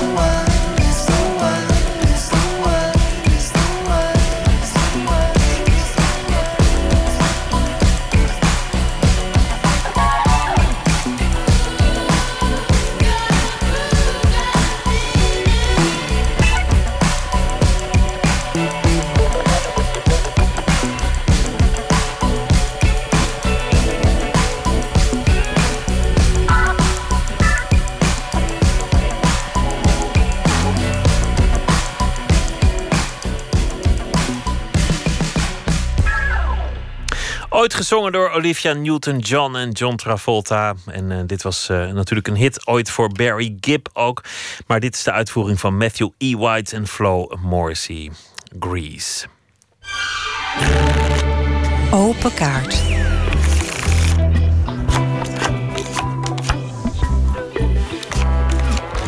De rubriek heet Open Kaarten. De gast die trekt kaart uit een bak met 150 vragen over werk en leven. Vannacht de gast beeldend kunstenaar Caspar Fase. Schoonheid en verval, daarover gaat het vaak in zijn werken. En de tentoonstelling heet Naar Couperus. De dingen die voorbij gaan. Opent komende vrijdag in het uh, Sieboldhuis in Leiden. Een museum dat zich uh, vooral richt op de band tussen Nederland en Japan. En hij heeft uh, fotografie en schilderkunst door elkaar gebruikt. En hij toont vrouwen in kimono's, dwarrelende sneeuwvlokken bloeiende kersenbloemen. En uh, alles heeft te maken met Japan. Welkom, Casper Fase. Dankjewel. Je, ben, je bent ook naar, uh, naar ja, Japan toegegaan voor, voor deze. Niet speciaal voor deze tentoonstelling. Nee, ik ben er wel eerder geweest, maar uh, niet voor deze tentoonstelling ben ik nog geweest. Ik ben, eigenlijk denk ik ook dat ik er misschien niet naartoe moet. Dat het misschien ook wel tegenvalt als je echt op zoek gaat naar, naar die hang naar wat Japan zou moeten zijn eigenlijk. Jou, jouw werk is best, best apart. Je bent echt een, een Leids kunstenaar. Ook geïnspireerd door de, door de grootste Leidse legendes. Van, uh, van Rembrandt tot Jan Steen tot, uh, nou ja, noem ze allemaal maar op. Iemand die, die een beetje in het verleden zit. Ja. Je, je houdt van, van licht, van stadsgezichten, van portretten. Maar tegelijk gebruik je hele moderne technieken. Uh, dingen ja. printen, eroverheen schilderen of, of een drone de lucht insturen. Ja, mijn houvast is toch denk ik de schilderkunst. Uh, en dan de grote onderwerpen uit de schilderkunst. En daar probeer ik dan ja, een nieuwe beeldtaal uh, aan toe te voegen. Kijken of ik met mijn, mijn materialen, technieken iets toe kan voegen aan, aan, aan wat al die eeuwen schilderkunst heeft voortgebracht. en ja, dus, dus continu achteruit kijken. Misschien komt dat ook wel omdat Rembrandt me ooit aan het schilderen heeft gezet. En, Uh, Hoe ging dat? Uh, ik was naar het Rijksmuseum mee en ik stond voor de nachtwacht. En dat is een indrukwekkend werk voor een jongetje van 18. Mannen met geweren. En uh, het is figuratief, wat natuurlijk al snel aanspreekt. het is ja, al die verhalen, het is groot. En dan komt hij ook nog uit Leiden. Dus dan, dan ga je een beetje filosoferen van... hier heeft hij dus gelopen. Net als als je door een kasteel gaat met een kartonnen harnas van hier hebben de ridders gelopen. Zo liep ik door Leiden. Van hier heeft Rembrandt dus misschien gelopen. Dus letterlijk, ja, zijn voetsporen volgen. En, en, natuurlijk niet, dat houdt ergens op. Dat snap ik ook wel. Maar uh, ik geloof wel dat, dat, dat het daar, die romantiek, dat het daarmee begonnen is. Dat ik toen ben gaan tekenen en het ben gaan vertalen. En daarom spreken ook, ook die thema's, zowel de, de schilderkundige thema's als de, de, de, de, thema's in onderwerpkeuze jou nog steeds wel aan. Het, het is bij jou ja. vaak... Uh, uh, vanitas of. Ja, kijk, ik, ik, ben blijven, blijven tekenen en ik, dat maakt een grote indruk. Dus ga je op je kinderkamer de nachtwacht op de muur tekenen. En dat ging gewoon om het maken, om bezig te zijn. En, en dat nog steeds is een groot deel van mijn werk zin hebben om verf te ruiken en te tekenen en bezig te zijn. En alleen je kan op een gegeven moment niet maar door blijven gaan zonder te weten waartoe je je verhoudt. En dan ga je zoeken. Oké, ik hou van tekenen, maar dat is niet een nieuwe uitkomst of nieuwe uit, uitvinding. Dus eh, waar komt dat vandaan en hoe verhoud je? En, en heeft het dan zin wat je doet of, of, of niet? Uh, en, uh, ja, en dan ga je die kunstgeschiedenis bestuderen en wat, wat er gebeurd is. En ja, zo ben ik ook op een gegeven moment bij de Japanse, via dat Vanitas en dan dat Mono no Haware binnen de Japanse kunst. En bij de prentkunst terechtgekomen. Is dat een mooi bruggetje? Of, uh? Ja, dat vind, vind, ik wel aardig. wat, ik, maar wat, wat ik ook nog van je wil weten is, is want je bent niet meteen kunstenaar geworden. Hoe, hoezeer het ook al, al was toen je, toen je jong was dat het je fascineerde. Het heeft heel lang geduurd voor je de, de keuze maakte om het echt als beroep te gaan doen. Je bent niet naar een kunstacademie gegaan, maar wel elke dag schilderen en toch er tegen vechten dat het ook een beroep kan zijn. Ja, ja ik, kom uit, ik kom uit een onderwijsgezin, dus mijn ouders die waren allebei onderwijzer. En ehm, eh, ik, ik, denk dat zij de passies bij mij herkenden en zeiden: Nou, dat is leuk, want dan word je architect of dan word je grafisch ontwerper of dan ga je reclame in. Ik vond het ook heel leuk om te sporten. Ik dacht toen ik nog niet wist hoe mijn lichaam uh, niet voor topsport uh, toereikend was, dacht ik: nou, ik word misschien nog wel profhonkballer. Of, en dan, oké, of sportacademie dan, of dat soort dingen ga je dan indenken. Een vak bij je hobby. En uh, dus, dus ben ik uiteindelijk communicatie gaan studeren. Om dat te combineren met, mijn, uh, met, met, met, tekenen en dan ooit de grafische sector of de reclame in te gaan. Uh, ja. dat heb ik ook afgemaakt. Maar de, de, studie was toen de tijd veel interessanter op het gebied van internet en globaliseringsvraagstukken. Dus ben ik afgedreven richting ja, richting, richting die kant. Een hele slechte scriptie geschreven over uh, internet en de globalisering van Amerikaanse sporten. Dus hoe het Amerika voetbal hier probeerde voet aan grond te krijgen in Amsterdam. En ja, het, als ik het teruglees, is het echt waardeloos. Maar uh, ja, dus ik heb het lang uitgesteld. Ik ben dus blijven tekenen en op een bepaald moment was het zo. Al die tijd eigenlijk gevochten tegen iets dat, dat misschien voor je omgeving al langzamerhand duidelijk werd. Ja, want dan ga je een beetje tekeningen verkopen. En dan uh, heb je een ateliertje. Dus onder de boog had ik in Amsterdam een atelier. En dan is een atelierroute en dan verkoop je een paar dingen. En dan langzaam... Ik, had, ik heb op een gegeven moment wel ook uh, gesolliciteerd en een baan gekregen in de communicatie. En uh, ja, kantjes ervan afgelopen en overdag schetsen wat je s'avonds ging schilderen. En s'morgens weer moe op het werk verschijnen omdat je te lang bent doorgegaan. Nou, dan op een gegeven moment gaat het wel dagen van misschien moet ik het gewoon proberen. Misschien kan ik er wel van leven. Vanitas, dat, dat wil zeggen dat je iets schildert dat de toeschouwer, de, de, de kijker, doet denken aan zijn sterfelijkheid. Denk eraan, dit leven is niet voor eeuwig. Je verhoudt je tot, uh, tot iets anders dat groter is dan jijzelf. Een thema in de 17e eeuw, maar ook een thema in, in de Japanse kunsten. Ja. Hoe doen ze dat daar? Ja, het, het, het laat zich moeilijk uh, vertalen, hoor ik. Ik kan geen Japans, maar het, dat, dat mono no haware... dat is het licht melancholische gevoel... wat je misschien overvalt op het moment dat je de schoonheid ervaart. En dat je ook weet dat het weer weg is. Dat je, ja, dat je nadenkt over hoe prachtig het is of was. En, en, en dat je het eigenlijk al een beetje mist. Uh, maar wel, wel onder de bloesem gaat zitten om te genieten, om te lunchen. Het is er nu, laten we, er, laten we er naar kijken... en laten we het moment pakken. De weemoed. Ja, toch een lichte weemoed natuurlijk. Uh, ja. Als fotograaf of schilder zet je altijd een moment stil. Je pakt één moment, dat, dat uh, laat je zien. Dus daar, daar, dat, daar ligt mijn interesse voor dat Vanitas ook wel van... oké, je fotografeert een moment, je schildert een moment. En alle kunstenaars doen dat. Of in ieder geval alle uh, mensen die een beeld stilzetten. Maar in, in, in het werk dat, dat je nu in het Sieboldhuis toont zie je dat onderwerp, maar je kunt het niet aanraken. Die, die afstand in tijd die heb jij verbeeld door ook verschillende technieken door elkaar te gebruiken. Ja, ik, ik heb het geprobeerd uh, beeldend, dus dat verdwijnen en verschijnen. Uh, het is dichtbij, het is ver weg. Ik heb uh, het contrast heb ik versterkt door krakelé toe te voegen. Daar heb je ja, schilderkunstige techniek over de foto. Waarmee je eigenlijk benadrukt ook, of ik heb geprobeerd aan de tijd daarmee toe te voegen. Van, krakelé op een foto slaat nergens op. Maar het is het, op de een of andere manier is het een werk waar de tand destijds dan toch in te zien is. En dat, uh, uh, ja, dat contrast vind ik dan heel erg mooi. Schoonheid in de achtergrond, verval niet in de symboliek weergegeven, niet in een eh, een zandloper die opgaat of een eh, schedel. Of, maar, maar, maar weergegeven in het gebruik van de materialen, het krakeleem. En eh, eh, in dit geval, ik, ik, ik heb de Japanse prentkunst als uitgangspunt genomen. Wat fascineert me nou zo in die Japanse prentkunst? En de gelaagdheid, eh, de onderwerpen, de bloesems. Dus eh, hun symboliek voor dat vanitas. Maar ook ja, een prent zelf. Je mag het niet in het licht hangen, want het, het, eh, het vervaagt, de kleuren verschieten. dus dat vind ik ook wel mooi dat het onderwerp zelf al een symbool van vanitas is geworden. Dat, dat, Van vergankelijkheid. ja, van vergankelijkheid, ja. Leid jij zelf aan, aan, aan de weemoed? Ben jij iemand die, die aanleg heeft voor nostalgie?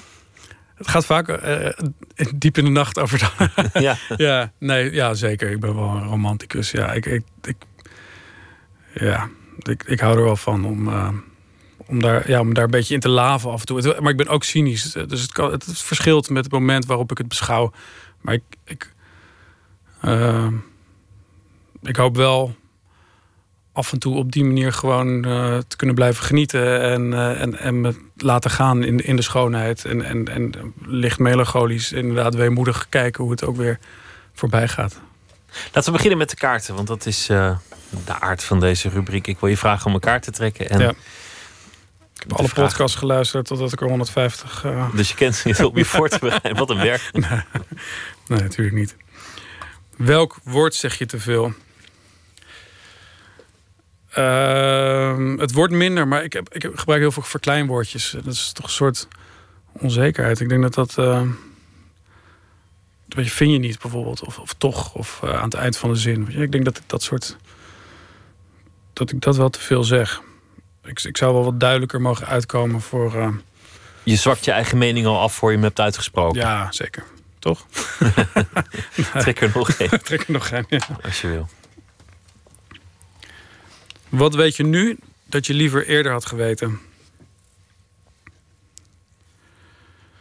Ehm, ja, ik, ja, dat weet ik eigenlijk niet. Ik, ik vind elke, elk, el- elke leeftijd, elke moment van naïef zijn, eh, dat dat ook, ook altijd wel, een, wel gunstig kan zijn. Dus ik vind het heel fijn om mezelf als 18-jarige eh, eh, nog enigszins naïef in de wereld te zien staan. En ik, ik denk dat ik dat nu nog steeds ben. En ik geloof ook dat je jezelf op die manier beschermt eigenlijk. eh, door, maar wat weet je nu dat je liever eerder had geweten? Ja, nee. Je geniet, je geniet ook wel weer van de onwetendheid die je vroeger had. Dat had ook wel weer schoonheid. Ja, dat denk ik wel. En ik denk dat als ik, als ik, ik, ik weet ook dat ik over tien jaar anders in het leven zal staan. Ik merk nu ook al natuurlijk dat je iets anders, ander- anders omgaat met de dingen. En in de kunst, want, want je kunt natuurlijk jezelf wel behoeden voor bepaalde fouten. Die, die, die, die, eh, die, die kunnen voorkomen dat je een doek overnieuw moet gaan maken. terwijl je er al Ja. zoveel tijd in hebt gestoken. Ja, dat klopt. Ja, ik heb, ik heb me een tijd geschaamd voor de eerste werken die ik gemaakt heb. Eh, Gewoon eh, als vrienden een kind hadden gekregen, dan maakte ik een girafje of een varkentje of dat soort dingen. En dan. toen werkte ik met een galerie. Dus, ja, we gaan er zeefdrukken van maken. En als ik toen had geweten van ja, alles wat je maakt, dat blijft op internet. En, dan had ik misschien wat voorzichtiger geweest in de dingen die je naar buiten brengt. Omdat dat niet gemaakt was om per se kunst te zijn, maar echt gewoon frivoliteit. En misschien, dat kan in Nederland wel op een gegeven moment tegen je gaan werken. Als je dingen met nadruk hebt gemaakt om, eh, om, om eh, leuk gevonden te worden. Eh, dan, dan misschien is dat iets wat je. Wat, Als mensen je googelen, dan vinden ze vroege werken. En dan, eh, dan, dan zien ze niet meteen waar je huidige werk over gaat. ja, Google is, Google is niet altijd mijn vriend, inderdaad, wat dat betreft. Dus Niemands dat, eh, vriend uiteindelijk. Nee, nee, nee, het kan ook aan mijn zoekvoorkeuren liggen, dat weet ik niet. Maar het is. eh, ja, dat, dat, kan wel iets zijn wat ik dan anders had gedaan als ik dat eerder had geweten. Maar het, het heeft ook, ja, elk werk, elk verkeerd werk eh, draagt ook weer bij aan wat ik nu aan het doen ben. Dus ik heb het ook moeten maken en eh, en zo ga je verder. Het opmerkelijke aan jouw carrière is dat je bent begonnen eigenlijk met dingen verkopen. Dus meteen een galerie en er waren meteen mensen die het wilden hebben, nog voor je echt schilder was. En zo langzaam aan die museale wereld ingekomen. Terwijl er zijn ook heel veel artiesten die doen precies andersom. Die hangen in de musea, maar, maar die verkopen eigenlijk niet heel erg. Nee, nee dat, dat is inderdaad van elitair naar commercieel. Is denk ik makkelijker om de, eh, dat je de naamsbekendheid en de, en de eh, roem hebt. Zoals misschien Heiboer ooit eh, best wel museale faam had. En op een gegeven moment zei: nee, ik ga zoveel mogelijk kippen maken. En, en, en daarbij ook, denk ik, een soort tong in cheek heeft gezegd. ik vind het niet zo relevant allemaal. Maar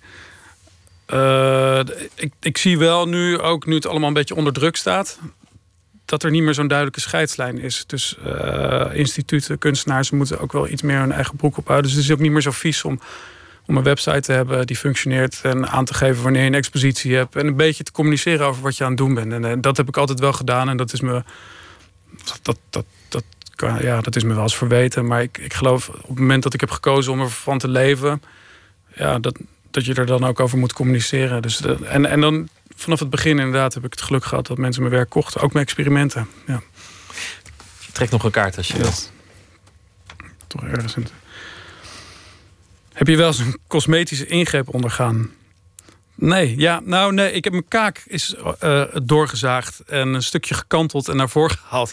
Waarom? Maar dat? dat was toch medisch, omdat ik de binnenkant van mijn voortanden wegknabbelde. Maar mijn gezicht is daar wel iets van veranderd. Ik denk dat ik een iets uh, uh, steviger kin heb gekregen. Maar dus dat is, dat, nee, maar dat is een medische ingreep, omdat ik me de binnenkant van mijn tanden op had. Maar dat is wel iets wat cosmetisch gevolgen had.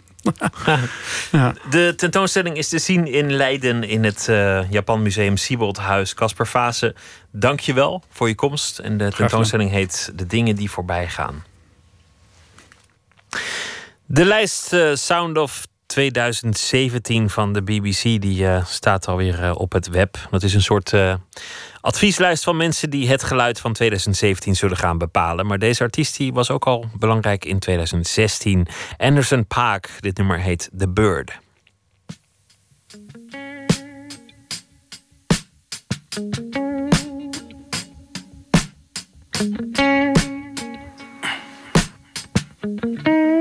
A bird with sweetness of a honeycomb tree. And now I look what's taking over me. Couldn't fake it if I wanted to. I had to wake up just to make it through. I got my patience and I'm making do. I learned my lessons from the ancient rules. I choose to follow what the greatest do. A bird with a word came to me the sweetness of a honeycomb tree. And now I look taking over me. Couldn't fake it if I wanted to.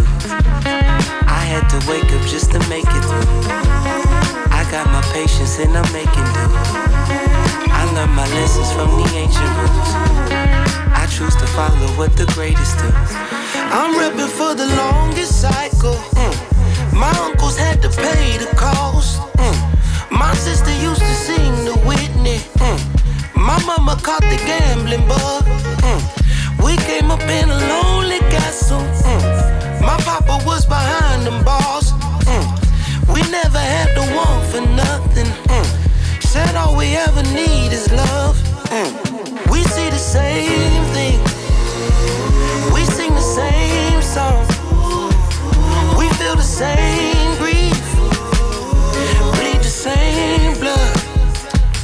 You grew up in the home beside me. I always had a friend to call. How could I make it here without you? Mm. I pray I leave before you go. A bird with a word came to me. The sweetness of a honeycomb tree. And now I look what's taking over me. Couldn't fake it if I wanted to. I had to wake up just to make it through. I got my patience and I'm making do. I learned my lessons from the ancient rules. I choose to follow what the greatest do. A bird with a word came to me. The sweetness of a honeycomb tree. And now I look what's taking over me. Couldn't fake it if I wanted to. I had to wake up just to make it I got my patience and I'm making from the ancient rules. I choose to follow what the greatest do.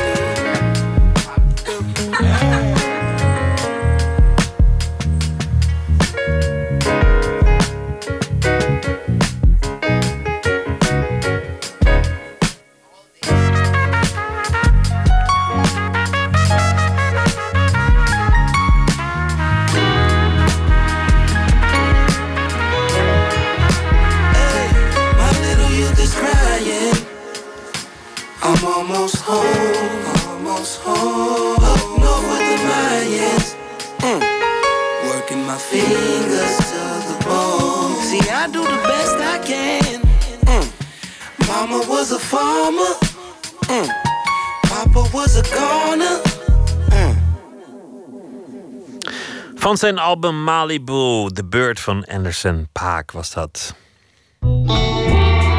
Nooit meer slapen. Het werk van de Belgische kunstenaar Jan Rosseel gaat vaak over het geheugen. Ook zijn nieuwe tentoonstelling Backup. Dat gaat over het historisch geheugen.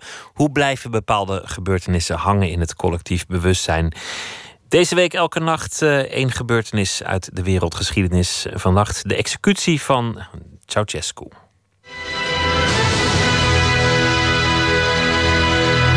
Good evening. The Romanian people have been told by their new leaders that their country will never return to communism. Vice President Dmitry Mazilou has confirmed that there will be elections in April to establish a free and democratic state. And he defended the execution of former President Ceausescu as a necessity during a time of revolution.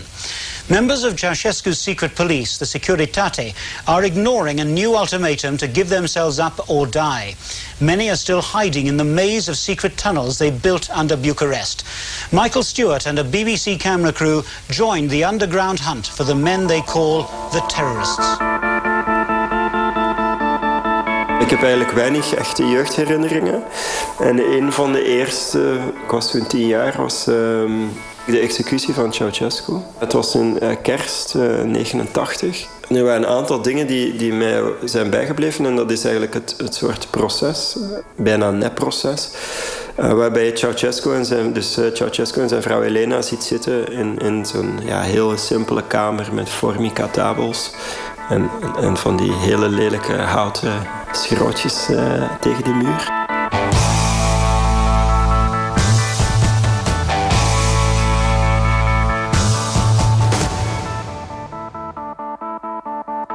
Het proces was louter voor de bühne, zegt Jan. Het is wel gefilmd en ja, het ziet er allemaal heel zielig uit. Maar ja, zijn lot was al bezegeld, dus een echt proces kan je dat ook niet noemen. Het grappige is dat bijvoorbeeld, als we dan kijken naar een iets recentere gebeurtenis, dan heb je ook het proces van uh, Saddam Hussein, is, zou je in principe ook in dezelfde categorie kunnen zetten. Dat klinkt heel flauw, maar in principe wisten we toch dat hij uh, geëxecuteerd zou worden. Dus het, dat proces ja, je zou je de vraag kunnen stellen waarom doen ze het? Het is een, soort van formaliteit en een beetje een spektakel en een show. Uh, vooral door hem dan in een kooi te zetten. Ja, en bij Ceausescu was het hetzelfde. Zijn lot was al, uh, was al bezegeld. Dus. Wat ze misschien heel slim hebben gedaan, is eigenlijk een beetje dezelfde strategie ingezet die hij zelf gebruikt. Dus dat is eigenlijk gebruik maken van media en ja, controle hebben over de televisie en zo. Dus door hem nu eigenlijk zelf ook in een soort positie te zetten dat hij uh, een speler wordt in zijn eigen ondergang of zo. Onlangs ontdekte Jan Roseel dat zijn herinnering van die executie niet helemaal klopt. Ik dacht dat de executie, dat ze dus uh, samengebonden waren en door één kogel waren geëxecuteerd, uh, samen. Um, maar dat kwam een beetje door dat volgens mij op een bepaald moment Elena zei van ik wil samen sterven en ik wil vastgebonden worden. En dat, dat had volgens mij zo'n indruk gemaakt dat ik dat eigenlijk heb onthouden als het echte beeld. Terwijl in het echte beeld ja, staan ze gewoon voor... Dus ze worden naar buiten geleid, ze staan voor een muur... en ze worden gewoon uh, door een vuurpeloton neergekogeld. Ja, dat zegt natuurlijk ook wel meteen iets over de, de fragiliteit van onze herinneringen... En, en het geheugen, dat je toch dingen... Ja, dat je er eigenlijk denkt dat je dingen kan herinneren... maar dan is het toch vertekend of zo. Um, en dat is ook een beetje een fascinatie die ik heb voor, voor ja, hoe die dingen werken. Door bepaalde traumatische ervaring kan het ook zijn dat, je, dat er een soort mechanisme in gang schiet waardoor je tegen jezelf gaat beschermen. Soort van, of tegen die ervaring. Jan Roseel was zes jaar toen zijn vader vermoord werd door de bende van Nijvel.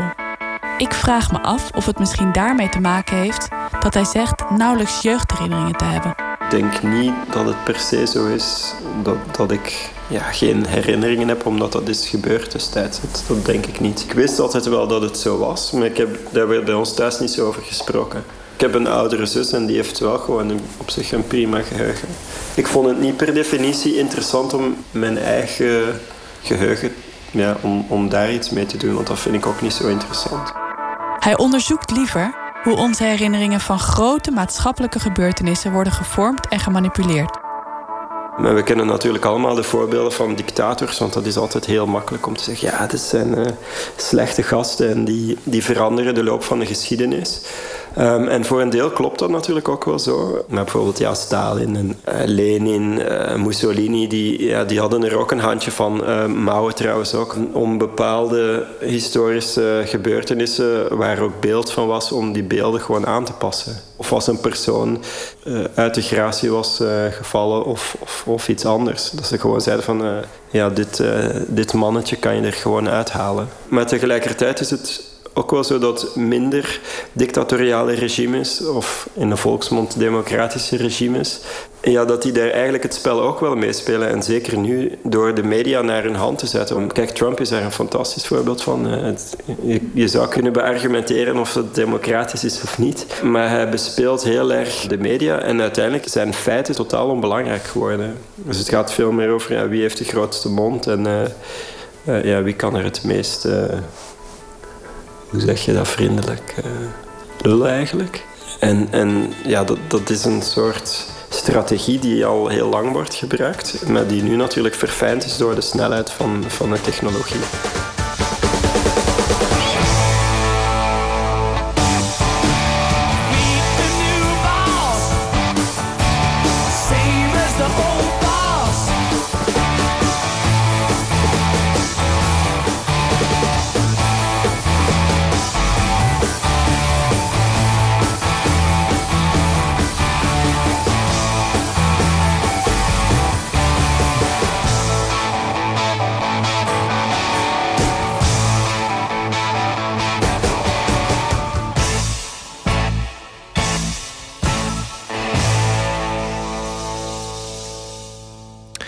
Jan Rosseel over zijn tentoonstelling Backup vanaf 10 december te zien in Amsterdam in de Brakke Grond.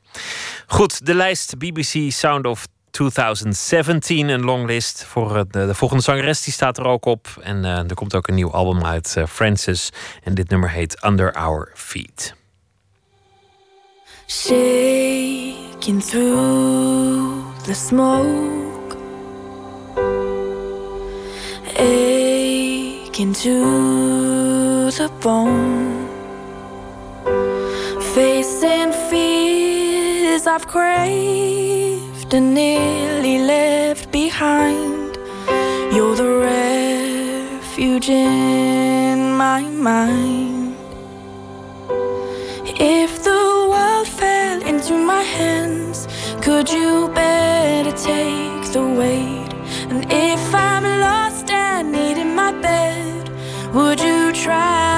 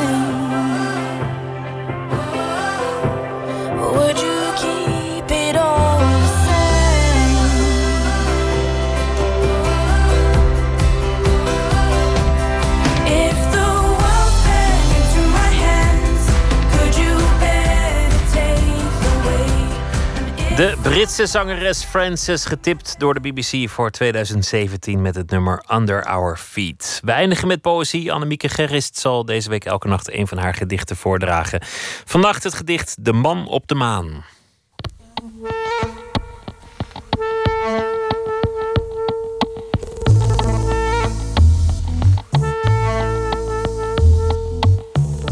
De man die op de maan de vlag had geplant, leest vandaag in de krant dat de vlag is omgevallen. Op aarde staan zijn grote maanschoenen in een museum. Ze hebben het maanstof nog in de naden. Toen hij klein was, droomde hij van blote voeten in groen gras. Sinds hij op de maan is geweest, heeft hij het altijd koud. Zijn huwelijk begon met auto's die luid toeterend door de straten reden. Hij zat in de voorste auto. Iemand met een gitaar voor zijn buik zong een lied over een man op de maan. Hij stak wat sla in zijn mond. Zijn vrouw vroeg wat ze die avond aan moest trekken, want ze hield niet van wit. Dat deed haar weer denken aan de maan. In de avond had hij het koud, toen de maan scheen op zijn lakschoenen en hij danste met zijn vrouw in zijn armen. Dit was naar aanleiding van een artikel waarin ik las. ehm, de zin, de, de kop van de zin. De vlag op de maan is omgevallen. En ik dacht, wat als de man die die vlag heeft geplant, nou vandaag de krant opslaat en leest dat die is omgevallen, dan is die echt totaal voor niks naar die maan gegaan. Hup, vlag erin en weer terug. Dat vond ik zo zielig dat ik me ging verplaatsen in de man. De man die op de maan de vlag had geplant, leest vandaag in de krant dat de vlag is omgevallen. Op aarde staan zijn grote maanschoenen in een museum. Ze hebben het maanstof nog in de naden. Toen hij klein was, droomde hij van blote voeten in groen gras. Sinds hij op de maan is geweest, heeft hij het altijd koud. Zijn huwelijk begon met auto's die luid toeterend door de straten reden. Hij zat in de voorste auto. En iemand met een gitaar voor zijn buik zong een lied over een man op de maan. Hij stak wat sla in zijn mond. Zijn vrouw vroeg wat ze die avond aan moest trekken, want ze hield niet van wit. Dat deed haar weer denken aan de maan. In de avond had hij het koud, toen de maan scheen op zijn lakschoenen en hij danste met zijn vrouw in zijn armen. Annemieke Gerrist las het gedicht De Man op de Maan. Morgen in Nooit meer slapen komt Esme Lammers op bezoek, filmregisseur. Werd bekend met haar eerste film Lang leven de koningin. Maakte daarna nog eh, andere films als Amazones, Tom en Thomas. En eh, nu gaat in première Soof 2, gebaseerd op de columns van Sylvia Witteman. Voor nu een hele goede nacht en graag weer tot morgen.